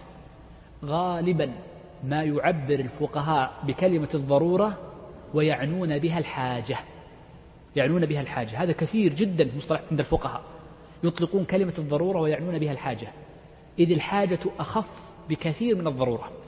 الضرورة تبيح كل محرم. وأما الحاجة فإنها فيها توسعة.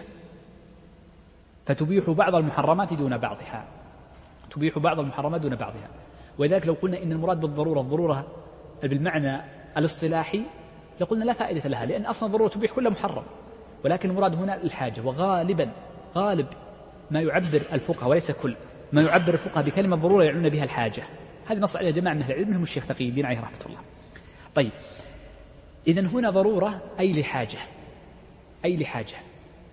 وهذا التأخير الحاجة تكون لأحد ثلاثة أشخاص.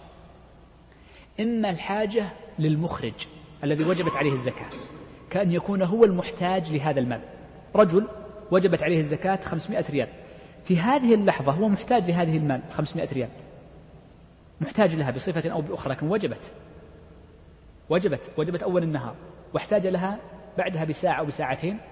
نقول يجوز لك أن تؤخرها حتى تنقضي حاجتك إلى الغد إلى بعد غد حسب ما ييسر الله عز وجل لك. إذا حاجة الشخص هو للمال. قد يكون ماله الزائد بعيد عنه. فلذلك هو محتاج لهذا الذي بين يديه فنقول يجوز لك تأخيرها إلى أن تنقضي حاجتك من المال هذا واحد. الأمر الثاني قد تكون الحاجة حاجة المبذول إليه. كأن يكون القريب القريب منه يعني الذي يستطيع أن يعطيه أقل حاجة من البعيد. مثل إيش؟ واحد يقول لو بذلتها اليوم سأعطيها لشخص حاجته أقل. لكن لو أخرتها الأسبوع القادم هناك رجل أشد حاجة فيقولون يجوز تأخير الزكاة لأجله. هذا الثاني. هذا هذه الحالة الثانية. مثال ذلك قالوا ويجوز تأخيرها لإعطاء قريب. إعطاء قريب. يعني مثلا في مسكين أشد حاجة مسكين وفقير فيجوز أن يؤخرها للفقير دون المسكين. قريب. أنا أعرف أن أخي بعيد عني. وسيأتي انتبه كلمة سيأتي. لن أنقلها إليه وإنما سيأتي. أنا أتكلم عن المذهب. المذهب نقلها ولو لقريب لا تجزئ. ستمر معنا بس انتبه. وسيأتي هذا القريب بعد يومين أو ثلاثة أو أسبوع أو أسبوعين. سيأتي إلى بلد الذي أنا فيه. هنا يقولون يجوز لك أن تؤخرها لتعطيها قريبك. واضح المسألة؟ إذا لحاجتك أو حاجة المبذولة إليه. الأمر الثالث أن تكون الحاجة للساعي وهو نائب ولي الأمر العامل فلو كان الساعي يؤجل ما جاءك الآن سيأتي بعد شهر يجوز لك أن تؤخر الزكاة شهرا. يجوز لك أن تؤخر الزكاة شهر طيب. سامي شيخ؟ هل يقوم الهاتف مقام التمليك هل يقوم الهاتف الهاتف؟ لا. لابد من القبض. لأن الاستقرار الملك في الهبات لا يستقر إلا بالقبض. فيجوز لك أن تقول ترى عندي لك زكاة. يعني الفقهاء ماذا يقولون؟ يقول لو أن شخصا أراد أن يبذل زكاة فطره لشخص بعيد عنه. لشخص بعيد عنه. ماذا يفعل؟ لها وقت سينتهي الوجوب فيها. يقول له وكل أنت أيها البعيد من يقبضها عنك. وكل أيها البعيد من يقبضها عنك. فيقبضها الثاني فهنا يكون حصلت في وقتها. خلاص دخل هذا قبض. أدخله في حساب انتهينا الآن جاب, جاب الله البنوك صحيح. صحيح. أو تقول تتصل عليه إذا كان بعيد. أرسل لي واحد يأخذها. نعم. لو وضع في لا وكل أنت. هنا تضعها عندك وكيلك هذا الرجل يصير. مو وكيلة. هو قل له عندك أحد عندي في الرياض؟ يقول لك عندي فلان. خلاص أعطيها فلان. كذا يجوز. لازم هو الذي يوكله مو أنت. خلينا نجرها بعد ما ننتهي مسألة الفرق بين الوكيلين لأنها تتعلق بجمعيات البر. خلينا نمشي. سم؟ رسالة بالجوال؟ إرسالها ستأتي الإرسال خارج البلد. ستأتي الآن. طيب. طيب. قال فإن منعها أي منع الزكاة جحدا لوجوبها. كفر. أي كفر عارف. إذا كان عارفا بالحكم فإنه يكفر. لأن من المعلوم من الدين بالضرورة إذا جحد وجوبها. أما لو كان جاهلا فيجب أن يعلم الحكم الشرعي. قال كفر عارف بالحكم وأما الجاهل فإنه يعلم. وأخذت منه ولو حكم بكفره وقتل بعد الاستتابة. قتل قتله هنا لماذا؟ لأجل الكفر لأنه جاحد لوجوبها جاحد لوجوبها. قال أو بخلا أو يعني منعها بخلا وفي حكم البخيل المتهاون أخذت منه بالقوة. أخذت منه بالقوة. وعزر. قد يكون تعزيره بالضرب وقد يكون تعزيره المذهب لا يعزر إلا بالتعزير البدني. وفي رواية ثانية في المذهب وهو اختيار الشيخ تقي الدين وتلميذه أن مانع الزكاة يعزر لقضاء عمر رضي الله عنه يعزر بأخذها منه مرتين. بدل ما يدفع 2.5% يدفع كم؟ 5% لكن المذهب ما يجوز التعزير بالمال. ولكن الرواية الثانية أنه يجوز التعزير بالمال. طيب. وعزر أي في بدنه دون ماله. دون ماله. يقول الشيخ وتجب في مال صبي ومجنون. لما ثبت عن عمر وعلي رضي الله عنهما أنهما قال أتجروا في أموال اليتامى لا تأكلها الصدقة. ولأن الزكاة متعلقة بالمال لا متعلقة بعين المال ما يدل على أنها تجب في مال الصبي والمجنون. قال فيخرجه فيخرجها وليهما. الولي هو الذي يخرجه ولو بدون إذنهما ولو بدون إذنهما. طيب. قال ولا يجوز إخراجها إلا بنية. هذه مسألة مهمة جدا. وهي قضية أنه لا يجوز إخراج الزكاة إلا بنية. من أخرج زكاة بلا نية فإنه لا تجزئه. من أخرج زكاة بلا نية فإنه لا تجزئه. كيف تتصور عدم النية؟ المراد بالنية أنه ينوي أنها زكاة ولا يلزم انتبه بعبارتي ولا يلزم أنها زكاة ماله المعين. زكاة هذا المال. أنها زكاة وواجبة. هذا معنى النية في الزكاة. يتصور أن الشخص يخرج الزكاة بلا نية في صور. الصورة الأولى أن يعطي المال أن يعطي شخصا صدقة. من الصدقات غير مستحضر أن هذه المال الذي بذله زكاة. غير مستحضر أنها زكاة فلا يجزئه لأنك نويت التبرع ولم تنوي إداء الواجب عليك. هذه صورة. صورة ثانية وهذه صورة مهمة جدا أن يكون عنده مال لشخص آخر. أنا أعطيت فقيرا مالا كقرض. فلما جاء وقت الزكاة أسقطتها عنه. قلت الذي في ذمة زيد أعتبرها زكاة. يقولون ما يجزي لأن الزكاة يشترط فيها التمليك والنية. وقت البذل لم تكن ناويا ولذلك عندهم فرعوا عليها قاعدة أن الزكاة لا تصح إسقاطا وإنما يجب أن تكون تمليكا. هذا هو مشهور المذهب وهو الذي عليه الفتوى أيضا. يجب أن تكون تمليك ما يجوز أن تكون الزكاة إسقاط. طيب ما الحيلة؟ في حيلة شرعية. تقول للشخص خذ هذه ألف ريال زكاة مال ولا تقول له أعطني إياها. هذه ألف ريال زكاة. إن أعطاك إياها سدادا للدين برئت ذمتك. وإن لم يعطك إياها فهو قد يصرفها فيما هو أحوج. قد يكون محتاج لطعام أو شراب وهو أشد من الدين الذي قضى بك. عرف المسألة؟ لكن لو اشترطت ما يجوز. لأن الشخص لا يبذل زكاة ماله ليجلب لنفسه نفعا أو يدفع عنها مذمة. نص عليها أحمد في رواية صالح. هذه هي الدفع يدفع عن ماله. طيب. طيب. آه المسألة الثالثة فيما يتعلق بالنية أن اشتراط النية عام سواء كان الذي ينوي يخرج الزكاة عن نفسه أو عن غيره. فالوكيل إذا تبرع بمال عن الصبي يعني أخذ من مال الصبي وأعطاه شخص. فإن نوى به الزكاة أجزأه. وإن نوى الصدقة ما الحكم؟ ما يجزئه عن الزكاة. طيب وش تصير؟ صدقة عن من؟ لأن الوكيل ما يجوز له أن يتصدق عن الصبي والمجنون. فتؤخذ من ماله هو تحسب مالك أنت. مالك حق تتصدق عن الولد الصغير. إلا الأب يتصدق مال ابنه. إذا جاءك ابنك وهو صغير يعني دون البلوغ وقال خذ هذا المبلغ أريد أن أتصدق به. تصدق به. الأب فقط هو الذي يتبرع من مال ابنه. أما غير الأب فليس لك الحق أن تتبرع من مال ابنك. يجب أن تحفظ مال ابنك. الأم في رواية في المذهب والصحيح أن الأم مثل الأب فتأخذ من مال ابنها فتتبرع به. طيب. هذه المسألة تأتي في باب العطايا. طيب. طيب مسألة المقارنة مقارنة النية وهذه تكلمنا عنها قبل في الطهارة وفي الصلاة. يجوز أن تكون النية سابقة ولو بفترة. يقول غدا سأخرج الزكاة ثم أخرج الزكاة ولم يستحضر نية. يجوز ولا, ولا يشترط منها شيء. نعم. يقول الشيخ والأفضل أن يفرقها بنفسه. هذه مسألة مهمة جدا وكثير منا للأسف غافل عنها. وهو أن السنة أن الشخص يفرق زكاة ماله سواء كانت زكاة مال بدن أو زكاة مال آه، أو زكاة مال زكاة بدن أو زكاة مال. فالسنة أن يخرجها بنفسه. ما السبب؟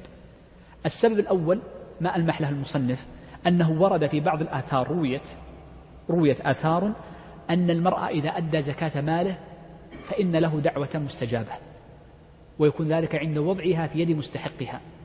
فأنت حينما توكل آخر ليبذل الزكاة عنك فإنك في هذه الحالة تكون قد ضيعت على نفسك هذا الأجر العظيم أو الدعوة التي ترجى استجابتها. الأمر الثاني أن هناك قاعدة كلما كان العبادة فيها مشقة على الشخص أكثر وبذل لجهد أكثر فإن الأجر فيها أعظم.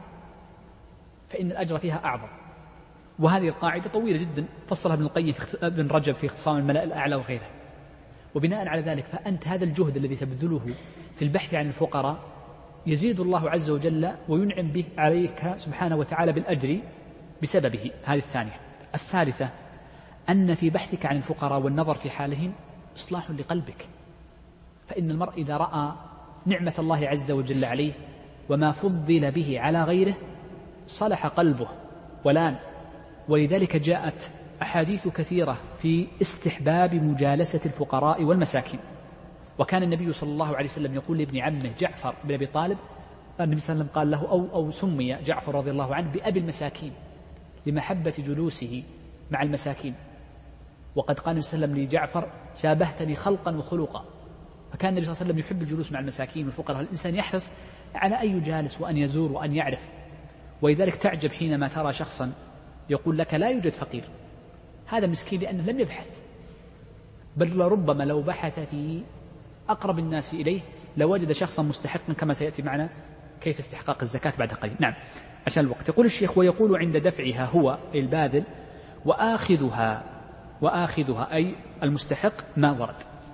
أما ما يقوله دافع الدافع فإنه روي عند ابن ماجه وفيه رجل متهم بالكذب أنه قال اللهم أن الشخص يقول اللهم اجعله مغنما ولا تجعلها مغرما. إلى حديث بعد ذلك. وأما آخذها فذكر الفقهاء أثرا والحقيقة لم يمكنني أن أراجع يعني من روى هذا الأثر ولكنه ليس صحيحا قطعا. أنه يقول الآخذ آجرك الله فيما أعطيت وبارك لك فيما أبقيت وجعلها الله لك طهرة أو طهورا. نعم. يقول الشيخ والأفضل طبعا والمطلق يعني لو قلنا بالآثار التي وردت فيقول مطلق الدعاء من غير تخصيص بهذا الدعاء يكون هو الأولى. نعم يقول الشيخ والأفضل إخراج زكاة كل مال في فقراء بلده ولا يجوز نقلها إلى ما تقصر فيه الصلاة فإن فعل أجزأت. طيب. يقول الشيخ هنا إن زكاة المال زكاة المال يجب أن تخرج في فقراء البلد وجوبا. وجوبا. ودليل فقهاء الحنابل على ذلك ما ثبت من حديث معاذ بن جبل رضي الله عنه حينما أرسله النبي صلى الله عليه وسلم إلى اليمن فقال له وأخبرهم أن الله افترض عليهم زكاة أو صدقة تؤخذ من أغنيائهم فترد في فقرائهم فقرائهم. إذن في نفسهم. وجاء في رواية عند سعيد بن منصور في السنن أن النبي صلى الله عليه وسلم أمر معاذا إذا أخرجت الزكاة من مخلاف أن ترد إليه. شوف إذا أخرجت أن ترد إليه. ترد إلى نفس المخلاف. والمخلاف هي في في جنوب الجزيرة العربية في اليمن وغيرها المناطق التهامية تسمى المناطق مخاليف مخلاف. وإلى الآن تسمى منطقة جيزان بالمخلاف السليماني فالمخاليف هي المناطق. طيب. إذا إذا هذا معنى أو الدليل على ذلك. فإخراج زكاة كل مال في فقراء بلده المذهب الوجوب. المذهب الوجوب. قال ولا يجوز نقلها إلى ما تقصر فيه الصلاة. طيب خلنا نتكمل نأتي بكلمة لأنه قد يظن التفريق. هنا الشيخ قال الأفضل ثم بعد قليل قال ولا يجوز نقلها. كيف يقول الأفضل؟ ثم يقول ولا يجوز نقلها. انظر معي. خلنا أشرح كلمة ولا يجوز نقلها ثم أقول لك لماذا قال الأفضل بعد قليل. يقول الشيخ ولا يجوز نقلها إلى ما تقصر فيه الصلاة. يقول لك الشيخ يقول المذهب يقولون إن نقل الزكاة من البلد له حالتان. الحالة الأولى نقلها إلى مسافة قصر. هذه لا تجوز. الحالة الثانية إخراجها من البلد إلى مسافة دون القصر. دون القصر. بلدة قريبة أقل مسافة القصر تقريبا أقل من 80 كيلو. هذه يجوز من غير إثم لكن الأفضل عدم إخراجها من البلد. إذا نفهم الجملتين الأولى والثانية. لأن أعرف أن بعض الإخوان يقول كيف تقول؟ هنا يقول الشيخ الأفضل ثم يقول لا يجوز. ففيه تنازع. هنا قصدة الأولى إخراجها من البلد دون القصر دون مسافة القصر. والثانية التي لا يجوز ما زاد عن مسافة القصر. يقول الشيخ ولا يجوز نقلها إلى ما تقصر فيه الصلاة. هذا المذهب طبعا وهو أظن من مفردات المذهب أنه لا يجوز النقل حرام. وغيرهم من الفقهاء ربما يقول استحبابا فقط. وذكرت لكم الدليل قبل قليل. ولذلك سمى النبي صلى الله عليه وسلم مخلافا. المخلاف هي المنطقة فتكون مسافة قصر. المذهب أنه لا يجوز النقل مطلقا. ما يجوز النقل مطلقا. لماذا؟ عفوا مطلقا. ما معنى مطلقا؟ يعني سواء كانت لفقير أشد أو كانت لقريب ما تنقلها. اجعل الفقير الأشد هو الذي يقدم عليك. واجعل القريب هو الذي يقدم عليك فتعطيه فتخرج من الإشكال الذي هنا. أما نقلها إليه على المذهب طبعا نتكلم لا يجوز. إلا في حالة واحدة إذا عدم الفقراء المستحقون في البلد فإنها تنقل إلى بلد آخر. قال فإن فعل أجزأته. يعني لو نقلها إلى بلد بعيدة مسافة قصر نقول لا عليك شيء هي مجزئة وتبرأ بها الذمة. وتبرأ بها الذمة لكن الشخص أثم لعدم إعطائه القريبين. قال إلا أن يكون في بلد طبعا هنا مسألة نسيت مسألة مهمة جدا. آه، هنا الشيخ قال الأفضل إخراج زكاة كل مال في فقراء بلده. قوله زكاة كل مال يدلنا على أن الحكم متعلق بزكاة المال دون زكاة البدن. زكاة البدن تخرج حيث أفطر المرء. حيث وجب عليه وجب عليه الزكاة وهو حين أين غربت عليك شمس يوم العيد؟ فتخرجها فيه ولو لم يكن بلدك الذي فيه مالك. أما المال فحيث وجد المال. كيف وجد المال؟ أنا مثلا هنا حسابي هنا فأنا أخرجها في هذا البلد. أنا رجل مغترب مثلا. أنا رجل مغترب. وكلما جاءني من مال أودعته في في حسابي الموجود في تلك البلد. فيكون مالي حيث وجد حسابي. هذا قلنا مثلا في النقد. في السائمة معروفة. ترى السائمة الزرع معروف الزرع في المنطقة الزرع واضح الزرع والسائمة. لكن نتكلم عن النقد النقد حيث وجد النقد حيث أودعته في البلد الذي أودعته فيه. طيب. نعم. آه قال الشيخ إلا أن يكون في بلد لا فقراء فيه. فيفرقه في أقرب البلاد إليه فيتعلق الوجوب بأقرب البلاد إليه. فإن فقده انتقل إلى ما بعده. قال فإن لأن القاعدة أن الأمر إذا ضاق اتسع. فإن كان في بلد وماله في آخر أخرج زكاة المال في بلده. في بلد ماذا؟ بلده هو الذي يقيم به. تكلمنا عنها قبل قليل. قال وفطر وفطرته في بلده هو في بلد هو فيه. هذه ذكرناها قبل قليل قاعدة. أن زكاة المال تخرج في موضع المال لأنها متعلقة به بعين المال. وزكاة البدن متعلقة بالبدن فتخرج فيه فتخرج فيه. يقول الشيخ ويجوز تعجيل الزكاة لحولين فأقل. هذه مسألة تعجيل الزكاة وهي مسألة مهمة. تعجيل الزكاة يجوز للمرء أن يعجل الزكاة لكن بشرط النية. الشرط الثاني أن لا يزيد تعجيله عن حولين أي سنتين. طيب. الدليل على جواز تعجيل الزكاة الحديث ثابت في الصحيح النبي صلى الله عليه وسلم بل في الصحيحين قال أما العباس فإنها أي زكاته فإنها علي ومثلها ومثلها. فدل على أن العباس عجل زكاتين عجل زكاة سنتين. ولا يجوز تعجيل أكثر من زكاة سنتين لأن لو فتح الباب لكان الشخص كل شيء سيعجل به الزكاة ما ما أخرج زكاة قط ولم يرد النص إلا بزكاتين. بحولين. طيب. عندنا قاعدة فقط سأذكر لكم هذه القاعدة الفقهية ثم أنتقل لأحكام التعجيل. عندنا قاعدة فقهية أن الشيء أو الحكم إذا كان له سببان ليس سببا واحدا وإنما له سببان. فيجوز تقديمه على أحد سببيه. هذه القاعدة بهذه الصياغة هي أدق الصياغات. بعض الفقهاء يقول إذا كان له شرط وسبب جاز تقديمه على شرطه دون سببه وبعضهم يقول العكس جاز تقديمه على سببه دون شرطه. لماذا أعرضت عن هذه الصياغة الثانية؟ لأن الفقهاء في الحقيقة يجعلون أحيانا الشروط أسبابا بل يعدون الموانع شروطا. فعندهم تداخل في هذا الأمر وأشار ذلك ابن القيم في بدائع الفوائد أن الفقهاء يجعلون أحيانا السبب شرط فليس عندهم ضبط في هذا المصطلح تماما.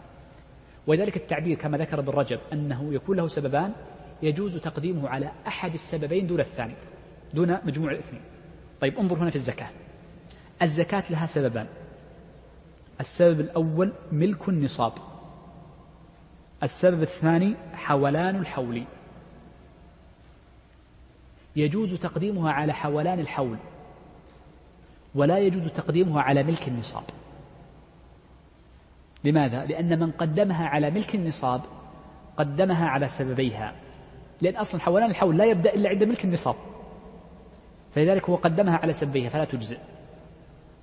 وبناء على ذلك لو أن شخصا لا مال عنده أو عنده ألفين ريال أقل من النصاب قال سأخرج مئتي ريال شوف سأخرج مئتي ريال. إذا جاءني النصاب تجزئ عن زكاة السنة القادمة. نقول له لا يجزئ.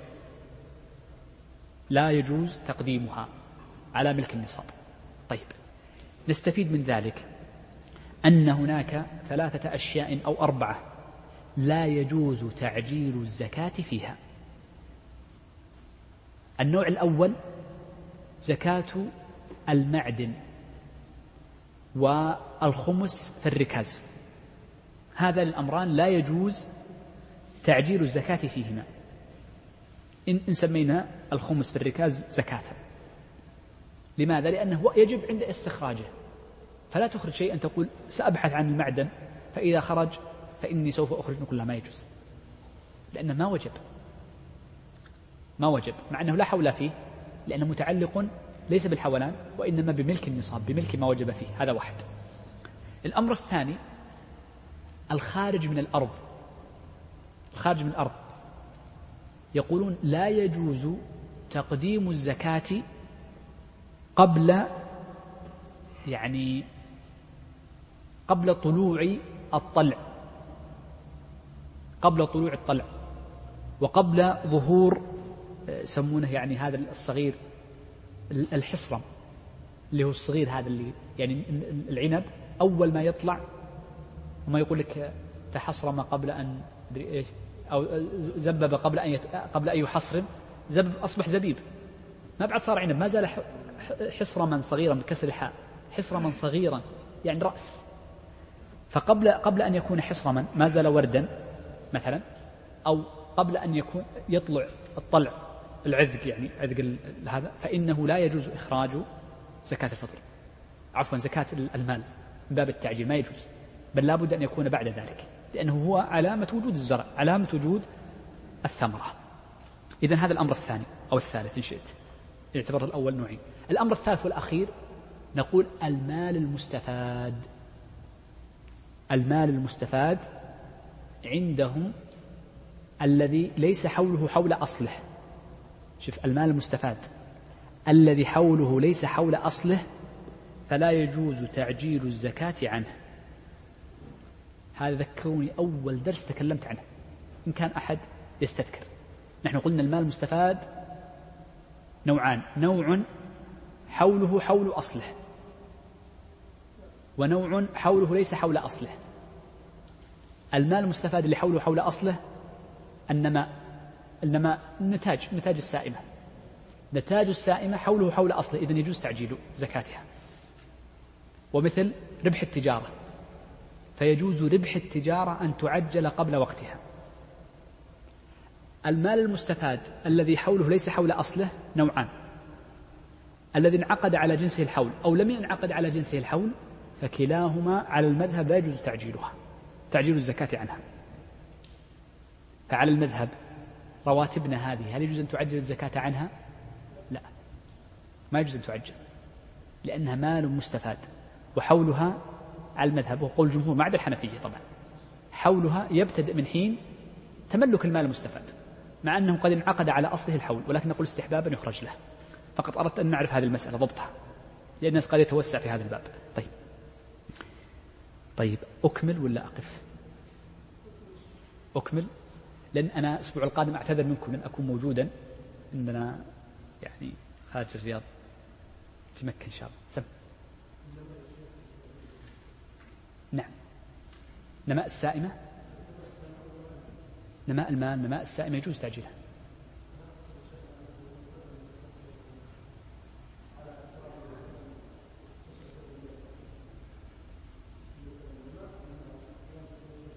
آه أحسنت أحسنت أحسنت. هذه مسألة مهمة جدا. إذا الشخص عدل زكاة ماله هل برأت ذمته؟ نقول لا. لأنه إذا جاء حولان الحول نحن قلنا قلت لكم قبل أنه عند حولان الحول تجب عليك أربعة أشياء. يجب عليك عد المعدودات النقد والسائمة وتقويم المقومات وهو عروض التجارة ثم إخراج المال وصرفه إلى المساكين. هذه أربعة أشياء. ألم نقولها قلناها بلى. إذا من عجل جزءا من زكاة ماله كان يتوقع أنه زكاة في واحد محرم فكان يظن أو يغلب على ظنه أنه سيكون زكاة عشرة ألاف. لما جاء وقت المحرم يجب عليك أن تعد وتقوم ما عندك من عروض تجارة يجب أن تعد وأن تقوم ما عندك من عروض التجارة فإن وجدت أن الزكاة مثل ما أخرجت فقد برئت ذمتك واضح؟ واضحة هذه الدرس طولنا شوي لكن اعذروني واضح؟ أحد يقول لي إيه؟ واضح؟ واضح؟ طيب وإن عد ماله وقت الوجوب فوجد أن الواجب من الزكاة أكثر. يجب عليه الزكاة خمسة عشر ألف. ماذا يفعل؟ يبقى في ذمته خمسة آلاف. فيجب أن يخرجها. فإن وجد وقت وقت الوجوب وقت وجوب الزكاة عند حولان الحول أن الزكاة أقل. نقول رحل الثلاثة ألاف نقول وجبت الزكاة سبعة ألاف. أخرج عشرة فإذا الواجب عليه سبعة. هل نقول رحلها للسنة القادمة؟ نقول أنت ما نويت إلا تعجيل السنة فتعتبر الثلاثة ألاف صدقة.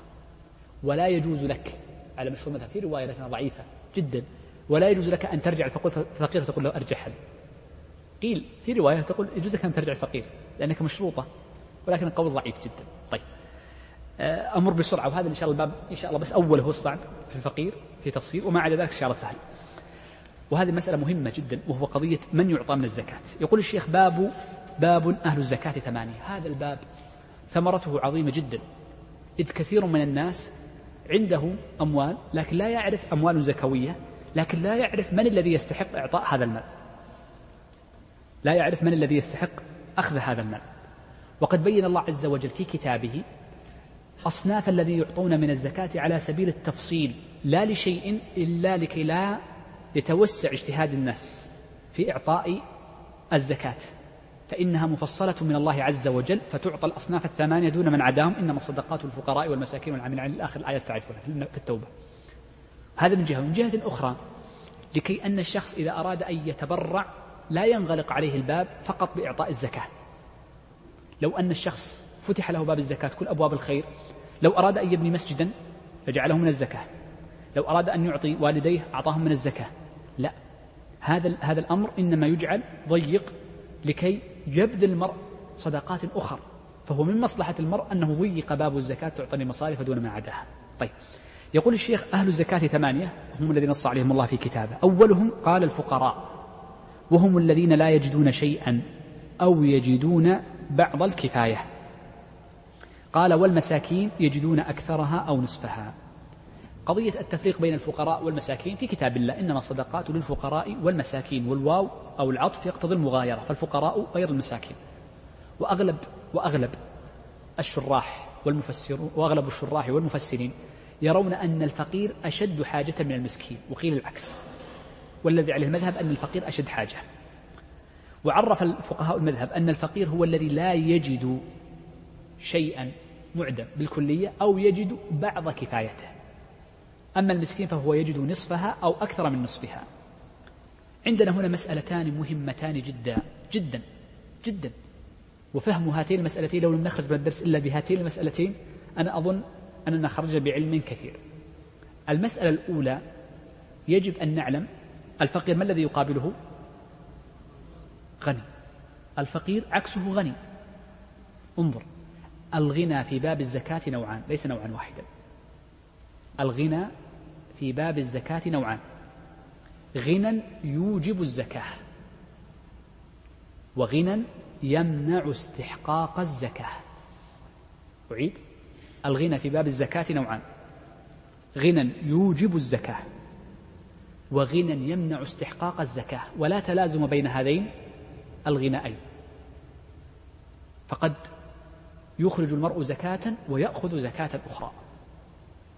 الغنى الذي يوجب الزكاة ذكرناه وهو ملك النصاب. وأن ينعقد عليه حول إن اشترط له الحول.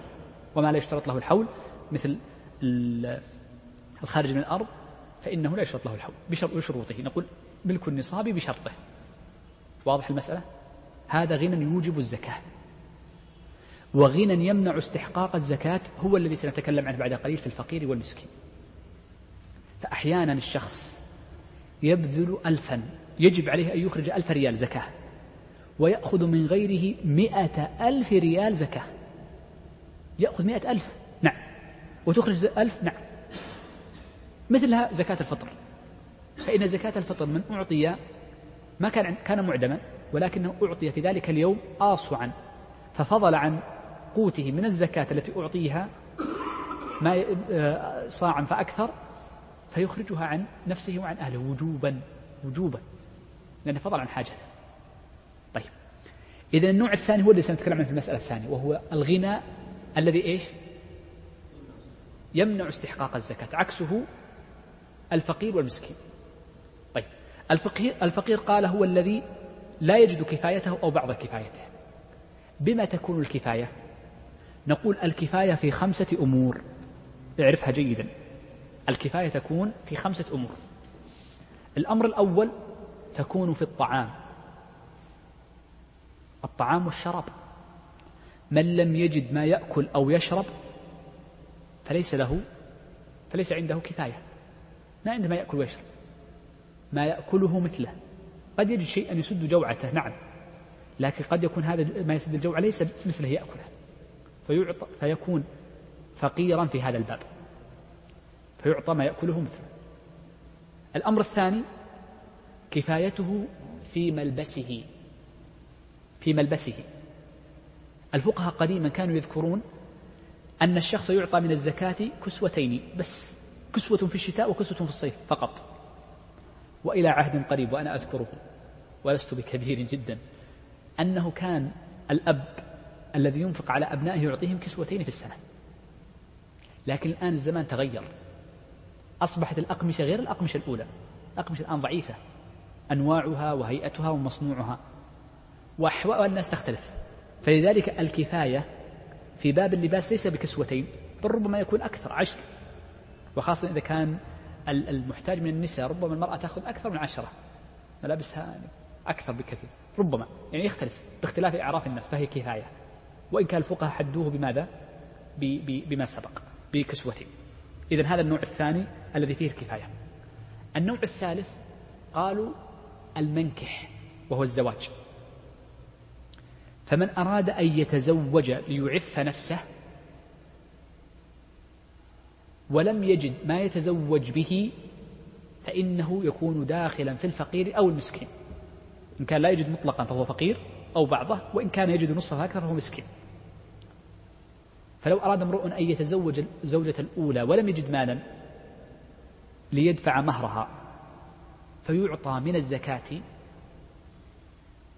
ما يكفيه لمهرها. المهر معتاد؟ ما يعطيني أبو مئة ألف. لا المهر معتاد. طيب لو كان المرء متزوجا امرأة لكن يقول ما كفتني أنا محتاج ثانية. شوف ليس يعني نقول يعني ماذا يعبر؟ ليس يعني آه يعني من باب التحسين وليس من باب يعني بس التجميل وإنما هو محتاج محتاج امرأته يعني مريضة الأولى آه حالته كل الرجال يختلفون من رجل آخر. هل نعطيه من الزكاة؟ الثانية الأولى يقول ما كفتني وش نقول؟ نعطيه من الزكاة للزوجة الثانية. طيب عنده ثنتان ما كفته. نعطيه من الزكاة الثالثة. عنده ثلاث ما كفته. نعطيه من الزكاة؟ رابعة يتزوج رابعة عنده أربع ما كفنه عنده أربع كلهم مرضى. مثلا ماذا نفعل؟ نقول نعطيه من الزكاة زي ما فضلت يا شيخنا. نعطيه من الزكاة ليشتري أمة حينما كان هناك إمام. شوف نشتري أمة له من الزكاة لكن ابتداء ما نعطيه من الزكاة يشتري أمة. نعطيه من الزكاة يتزوج. طبعا ما في إمام. زي ما قال الشيخ ذلك لا تطلق إلا أن يكون كريما فلا يطلق نساءه مثل ما قال وسلم أنا لك كأبي زرع غير أني لا أطلق. فصفة الكمال في الرجل أن لا يكون مطلاقا. سيأتي معنا الحديث في ذم الطلاق ما له يلعب بكتاب الله تزوجت تزوجتك طلقتك. طيب. إذا عرفنا الأمر إيش؟ هذا الثالث ولا الرابع؟ الثالث. الأمر الرابع الذي تحصل به الكفاية قالوا السكن. السكن المنزل فلو أن شخصا لا منزل له يسكن فيه أو كان مسكنه الذي يسكن فيه أقل مما يسكن فيه مثله. يسكن في غرفة ومثله يسكن في ثلاث غرف لأن عائلته كبيرة مثلا. أو هكذا نحو ذلك. فيعطى من الز... ولم يستطع الانتقال للآخر فيعطى من الزكاة كفايتها. والمذهب أنه يعطى كراء ولا يعطى ملكا هذا المذهب. أنه يعطى الإيجار فقط ولا يعطى ما يشتري به. لأنهم يقدرون كما سيمر معنا مقدار سنة كاملة. يعطى طعام سنة يعطى لباس سنة كسوتين يعطى ما يكفيه زوجته يعطى كراء سنة كاملة. من الآن مو شهر سنة كاملة. الأمر الخامس وهذا يختلف باختلاف الأعراف ضروريات الحياة. فإن ضروريات الحياة تختلف من شخص إلى آخر. ولذلك الفقهاء ذكروا إذا كان الشخص يحتاج إلى خادم كأن يكون زمنا فيعطى من الزكاة خادم. الآن ضروريات الحياة اختلفت. الآن في زماننا ربما الذي يعيش بدون مكيف مع هذا الاسمنت كانت بيوتنا قديما طين والطين بارد. الذي يعيش في هذا الاسمنت بدون مكيف ربما يعني ما يستطيع العيش. ففي هذا الزمن أصبح بعض الآلات التي ربما كانت ترفه قبل أربعين ثلاثين سنة أصبحت الآن ضروري فهي تختلف اختلاف الأعراف. إذا عرفنا الأمور الخمسة. إذا كمل النقص فهو فقير وإلا فهو مسكين. طيب. قالوا الشيخ في سبع دقائق الأخيرة أختم. يقول الشيخ والعاملون عليها. ثم نعم قال والعاملون عليها وهم جباتها وحفاظها. العاملون على الزكاة هم الجبات الذين يأخذون المال من الناس والحفاظ هم الذين يحفظون فيكونون حراسا عليها. طيب. من شرط العامل العامل هو الذي يسمى الساعي. من شرطه يجب أن يكون نائبا عن ولي الأمر. يجب أن يكون نائب عن ولي الأمر. أنا أقول هذه الكلمة لماذا؟ وهذا باتفاق الفقهاء. لأن كثيرا من الناس وهذه مسألة يعني مهمة كثير من الناس يظن أن الذين يجمعون التبرعات هم من العاملين عليها فيجعلون لهم نصيبا منها. وهذا بإجماع أهل العلم غير صحيح ما يجوز. ليس لك الحق أن تأخذ من تبرع صدقة ولا زكاة شيئا ما يجوز لك. فقط العامل النابع عن بيت ولي الأمر. طيب الجمعية الخيرية ما تكليفها الشرعي؟ هم في الحقيقة وكلاء عن الباذل وليس عن الآخذ ويترتب عليها أحكام. أن هذه الجمعيات الشر شوف شوف الجمعيات الجمعيات الخيرية بر إحسان سميها ما شئت. هذه الجمعيات الخيرية إذا أعطيتهم المال فتلف أو فتلف المال. إن تلف بتفريط منهم لزمهم الضمان يخرجون عنك الزكاة. الموظف الذي ضيع المال بخطأ منه هو الذي يخرجها من جيبه. وهذا كثير. يعني مرة كلمني شخص فقال أنا أجمع تبرعات في مسجد أو امرأة معنى أصح تقول أجمع تبرعات فجعلتها في شنطة وأنا أصلي إذ بي للأسف أن, أن ينتهك حرمة بيت الله بشخص يأخذ شنطتي ويخرج بها. وأعلم أن في الشنطة زكاة. ما الذي يجب؟ يجب عليك أنت أن تخرجي من الزكاة مثلها مالك أنت أو ترجعي إليه وجوبا. هذا إذا كان بتفريط. إذا كان بدون تفريط لا يجب على الوكيل أن يخرج زكاة المال وإنما يجب على البادر أن يخرج زكاة أخرى. شوف يجب أن تخرج زكاة أخرى. ليست واجب على الوكيل وإنما واجب على البادر. واضح المسألة؟ إذا إذا فرق بين الوكيل. أما الساعي لو أعطيتها الساعي فتلفت بعد دقيقتين برئت ذمتك. شفت فرق فرق. الساعي تلف يعني تبرأ ذمتك مباشرة لها أحكام كثيرة جدا. من الذي يمثل السعاة عندنا في المملكة هنا؟ يمثلها مصلحة الزكاة والدخل. موظف مصلحة الزكاة والدخل هم السعاة. فقها. طبعا هم ما يأخذون من الزكاة لهم رواتب الآن. عن طريق الدولة والدولة تأخذ الزكاة وتوزعها في الضمان الاجتماعي للفقراء والمحتاجين. من عداهم لا يسمى لا يسمون سعاة ولا عامل العمالي يسمونهم العمالي. يجون عند الإبل. المراعي ويأتون للمزارعين. هم هم العمال. شيخ الترخيص لا يقوم مقام سب لا. لا يقوم كتب فيها كثير من الفقهاء المعاصرين من المالكية وغيرهم. ولو صيغ صياغة في ذلك. ولو صيغ. وكلاء يعتبرون طيب. قال الشيخ الرابع المؤلفة قلوبهم. والمراد بالمؤلفة قلوبهم الكفار. وليس كل كافر يعطى. بل لا بد له من شرطين. الشرط الأول لا بد أن يكون مطاعا في عشيرته. هذا الشرط الأول. لا بد أن يكون مطاعا في عشيرته. ليس كل كافر يعطى. لا بد أن يكون كبيرا ورئيسا. قد يكون في عشيرته إن كان ذا عشيرة أو أن يكون في جاهه ونحو ذلك. فليس كل كافر يعطى. هذا الشرط الأول. الشرط الثاني هو الذي ذكره الشيخ. فقال ممن يرجى إسلامه. إذا الشرط الثاني يجب أن يكون يرجى إسلامه. أو يكف شره يكف شره عن الناس. أو يرجى بعطيته قوة إيمانه. قد يكون مؤمن حديث عهد بإيمان ولكنه مطاع في قوم فيعطى وهذا المستثنى من المؤلفة قلوبهم من المؤمنين أن يكون يرجى قوة إيمانه. قال هذه ثلاث صور أو إسلام نظيره. هذه زيادة ذكرها الشراح. إسلام نظيره. كأن تعطي شخصا فيقول الثاني أعطوا فلانا سأسلم لأعطى قالوا أو دفع عن مسلم. دفع عن مسلم. فيعطى المطاع في عشيرته لأجل ذلك. فيشمل الكفار ويشمل البغاة أيضا. فلو أن بغاة ظهروا على أهل بلد وأرادوا أن يضروهم فيجوز إعطاؤهم من الزكاة ليكفوا شرهم عنهم. يجوز. فهم ملحقون به بالكفار. نعم. قال الشيخ الخامس الرقاب. وهم المكاتبون. الرقاب تشمل ثلاثة أشياء. الأمر الأول المكاتب. وهو الذي اشترى نفسه بعمله. فيعطى من الزكاة ما يسدد به الأنجم الواجبة عليه.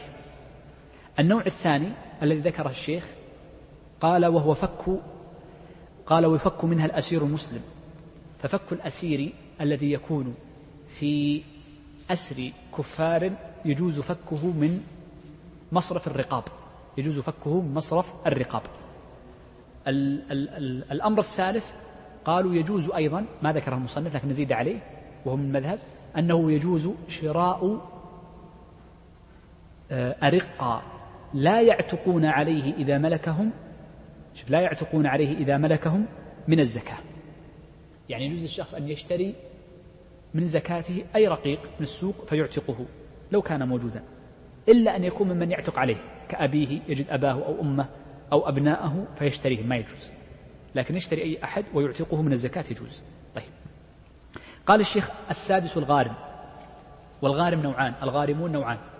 النوع الأول الغارم لغيره. والثاني الغارم لنفسه. بدأ الشيخ بالنوع الأول فقال الغارم لإصلاح ذات البين أي الغارم لغيره هذا هو الغارم لغيره. ومعنى الغارم لغيره أن يبذل مالا أي يبذل مالا لكي يصلح ما بين اثنين. مثل ماذا؟ كأن يكون وجب على قوم ضمان. ضمان. شخص أتلف لشخص بيتا وبينهم رفع قال أنا سأدفعه عنه. من باب الإصلاح. هذا الضامن لضمان أو أرش أرش جروح أو دية أو نحو ذلك أو صلح لإبراء صلح لإبراء أن يكون بينهم مال فيقول بينكم كذا وأنا سأسوقها. ففي هذه الحالة الذي بذلها يعتبر غارم لإصلاح ذات البين يجب أن يكون بشرط إصلاح ذات البين. فيعطى من الزكاة ولو كان غنيا هذه من الصور التي يعطى فيها من الزكاة ولو كان الشخص غني. الغني هنا يعطى من الزكاة ليس محتاجا. ولو كان غنيا ولو لم يحل وقت سداد الدين. ولو لم يحل وقت سداد الدين. طيب. النوع الثاني الغارم لنفسه. الغارم لنفسه. وهو الذي يكون عليه دين. وهذه مسألة مهمة دائما نحتاجها. بعض الناس يقول فلان عليه دين. هل يعطى من الزكاة أم لا؟ نقول نعم. الغارم لنفسه الذي عليه دين. الذي عليه دين يعطى من الزكاة بشروط. الشرط الأول ذكره المصنف هنا قال مع الفقر. فيجب أن يكون آه الغارم لنفسه أي الذي عليه الدين فقير. فيجب أن يكون فقيرا. فيجب أن يكون فقيرا. فلو كان غنيا عليه دين بأن يكون عنده مال فلا يجوز إعطاه من الزكاة. مثال ذلك شخص جاء يعني سأل فقال أنا عندي علي دين مئة ألف ريال ولا أستطيع أن, أزك... أن أسددها. لا يمكن. كم راتبك؟ قال ثلاثة ألف أو أربعة. ما يمكن. لا يمكن. ستقول له ماذا؟ أنت غارم لنفسك. لكن اسأله هل عندك مال غير هذا المال؟ فلما سألنا صاحبنا هذا قال نعم عندي أرض في الديرة. تبلغ خمسمائة ألف لكن ما أبيعها. عيب. عيب أبيع أرضي. أو أنتظر بها أن تغلى. هل يعطى من الزكاة هذا؟ لا ما يجوز. لأنه مقتدر. لكنه لا يريد أن يبيع عقارا عنده أو أسهما عنده. هذا ليس بفقير. يجب أن يكون لا يوجد عنده ما يستطيع أن يسدد به. هذا الشرط الأول. الشرط الثاني وهذا مهم الشرط الثاني أن يكون سبب الدين مباحا. سبب الدين مباحا. وبناء على ذلك لو كان سبب الدين محرما فلا يجوز إعطاؤه. مثال أن يكون على الشخص دين بسبب محرم. أي مثال؟ أي مثال؟ شيخ مالك. استدان لسفر معصية. أخذ فلوس قال بسافر برا لسفر معصية. نقول لا يعطى من الزكاة لأجل ذلك. أو استدان ليشتري أمرا محرما كخمر عياذا بالله. ما يعطى. سمي شيخنا. أو أخذ قرضا بربا. أحسنت. أو أخذ قرضا بربا. كل هذا محرم. فلا يعطى سدادة من الزكاة. طيب انظر هنا قلنا المباح وقلنا المحرم. طيب لو كان سببه مكروها نقول السبب المكروه لا يعطى له الزكاة. ومثلوا للسبب المكروه قالوا لو كان سبب دينه سفر نزهة. بعض الناس ياخذ فلوس ليتنزه. نقول ما يعطى من الزكاة لأجل ذلك. أو اشترى في بيته كماليات. يعني أضرب لكم مثالا وتضحكون عليه. شخص قال أريد أن أعطي أختي مالا. لماذا؟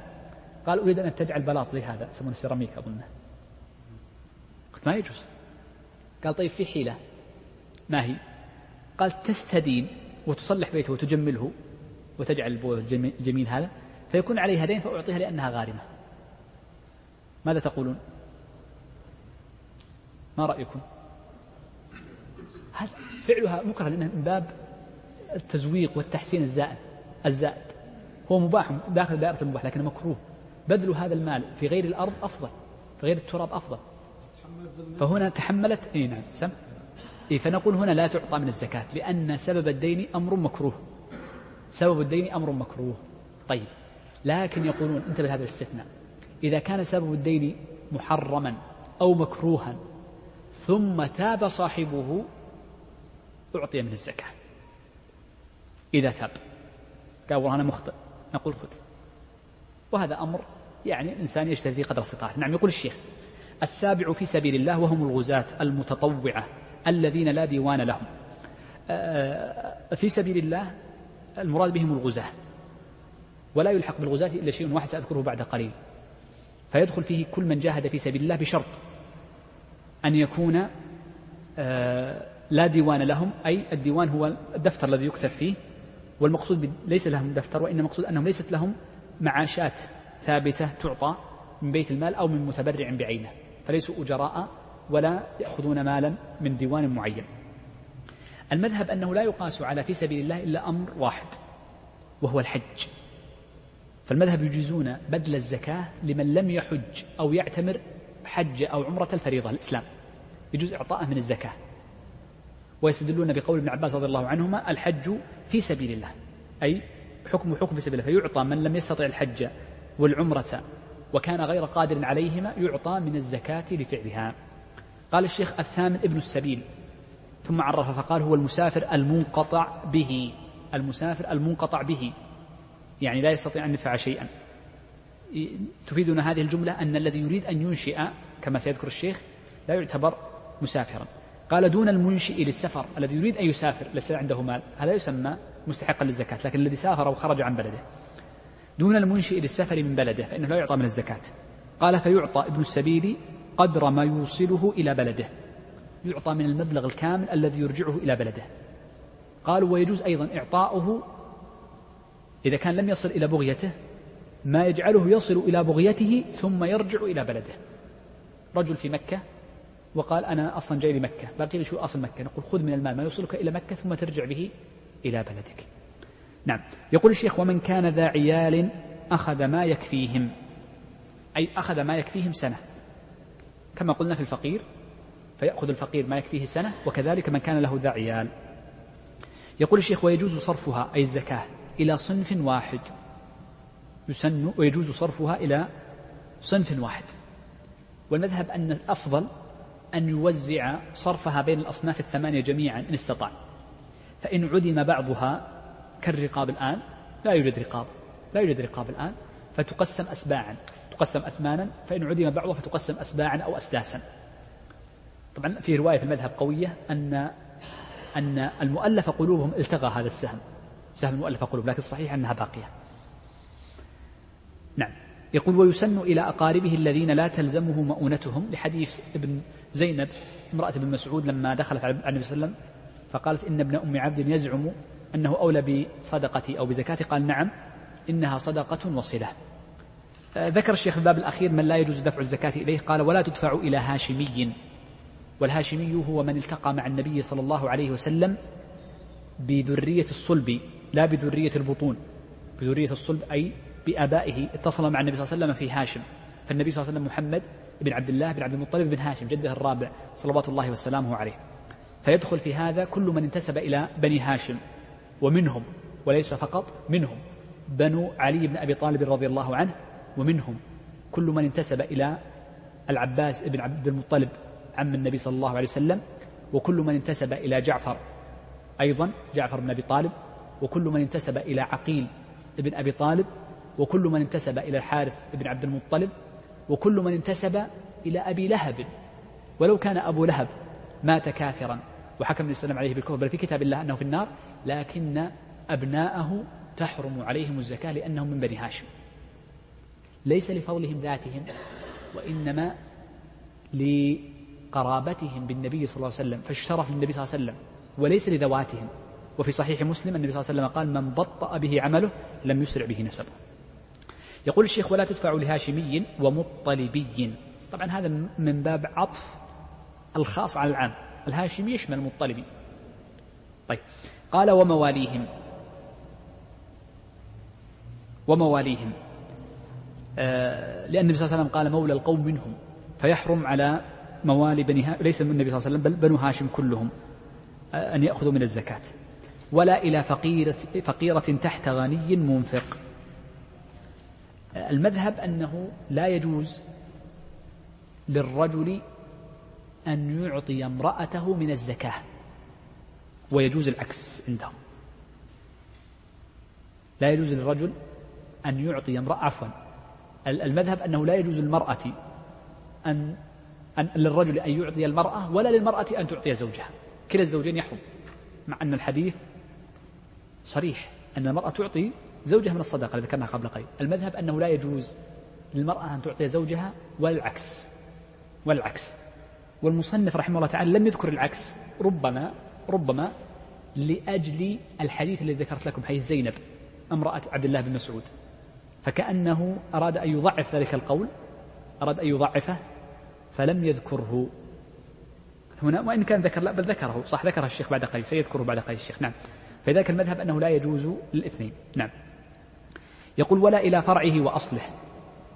ما يجوز الشخص أن يعطي فرعه وأصله إلا في حالات كحالة المؤلفة قلوبهم أو الغارم أو العامل. هؤلاء الثلاثة ولو كانوا فروعه وأصوله فإنهم يعطون من الزكاة قال ولا إلى عبد لأن إعطاء العبد هو لسيده وإنما يعطى السيد هو الذي يجب عليه النفقة. وزوج فلا تعطي الزوجة زوجها. وذكرت لكم وجه المذهب لأنه يعني قالوا لأن المرأة إذا أعطت زوجها فسينفق عليها فكأنها جلبت لنفسها نفعا. يقول الشيخ وإن أعطاها لمن ظنه غير أهل فبان أهلا أو بالعكس أعطاها لمن ظنه أهلا فبان غير أهل لم يجزئه لم يجزئه. هذه المسألة يعني مسألة آه، دقيقة شوي وهي تتعلق بالإجتهاد. الشخص إذا بذل ماله شوف إذا بذل ماله لغير مستحقه. إذا بذل ماله لغير مستحقه. وكان ظانا أنه مستحقا له أو كان عالما أنه ليس مستحقا له. يقولون فلا تجزئه. ما السبب؟ قالوا لأن الواجب في الزكاة البحث عن الفقراء ولأن الحق في الزكاة تتعلق بالآدميين حق آدميين هم المستحقون للزكاة الفقراء. فعندما تعطي من ليس مستحقا ولو كان في ظنك هو كذلك فأنت حرمت أولئك من حقهم. ففيه معنى حق الآدميين وحق الآدميين مبني على المشاحة. نعم هو حق لله لكن فيه معنى حق الآدميين. إلا شيء واحد أن تعطي فقيرا تظنه فق... أن تعطي غنيا تظنه فقيرا فإنه يجوز. للحديث الذي قال رجل لا تصدقن بصدقة. فأعطاها فقير فتحدث الناس أنه أعطاها. فأعطاها لغني. فلما أصبح تحدث الناس أنها أعطاها لغني. فقال النبي صلى الله عليه وسلم لعله يعني أن ينتفع بهذه الصدقة. فدلت على أنها مقبولة في هذه الحالة. نعم. آخر جملة يقول الشيخ وصدقة التطوع مستحبة في رمضان وفي رمضان وأوقات الحاجة أفضل. هنا بدأ الشيخ بالذكر الحديث عن صدقة التطوع. لم لم يجعل لها فصلا أو بابا مستقلا. وإنما ذكرها مجملة أن مطلق صدقة التطوع مستحبة وأنها في أوقات معينة تكون أفضل كرمضان لأن النبي صلى الله عليه وسلم آه، كان أجود الناس كما في حديث عباس وكان أجود ما يكون في رمضان حينما يدارسه جبرائيل عليه السلام القرآن. وثبت أن أبا هريرة قال كان الصحابة يتسابقون في رمضان على إطعام الطعام فدل ذلك على أن الصدقة مطلق الصدقة وإطعام الطعام بالخصوص في رمضان أفضل.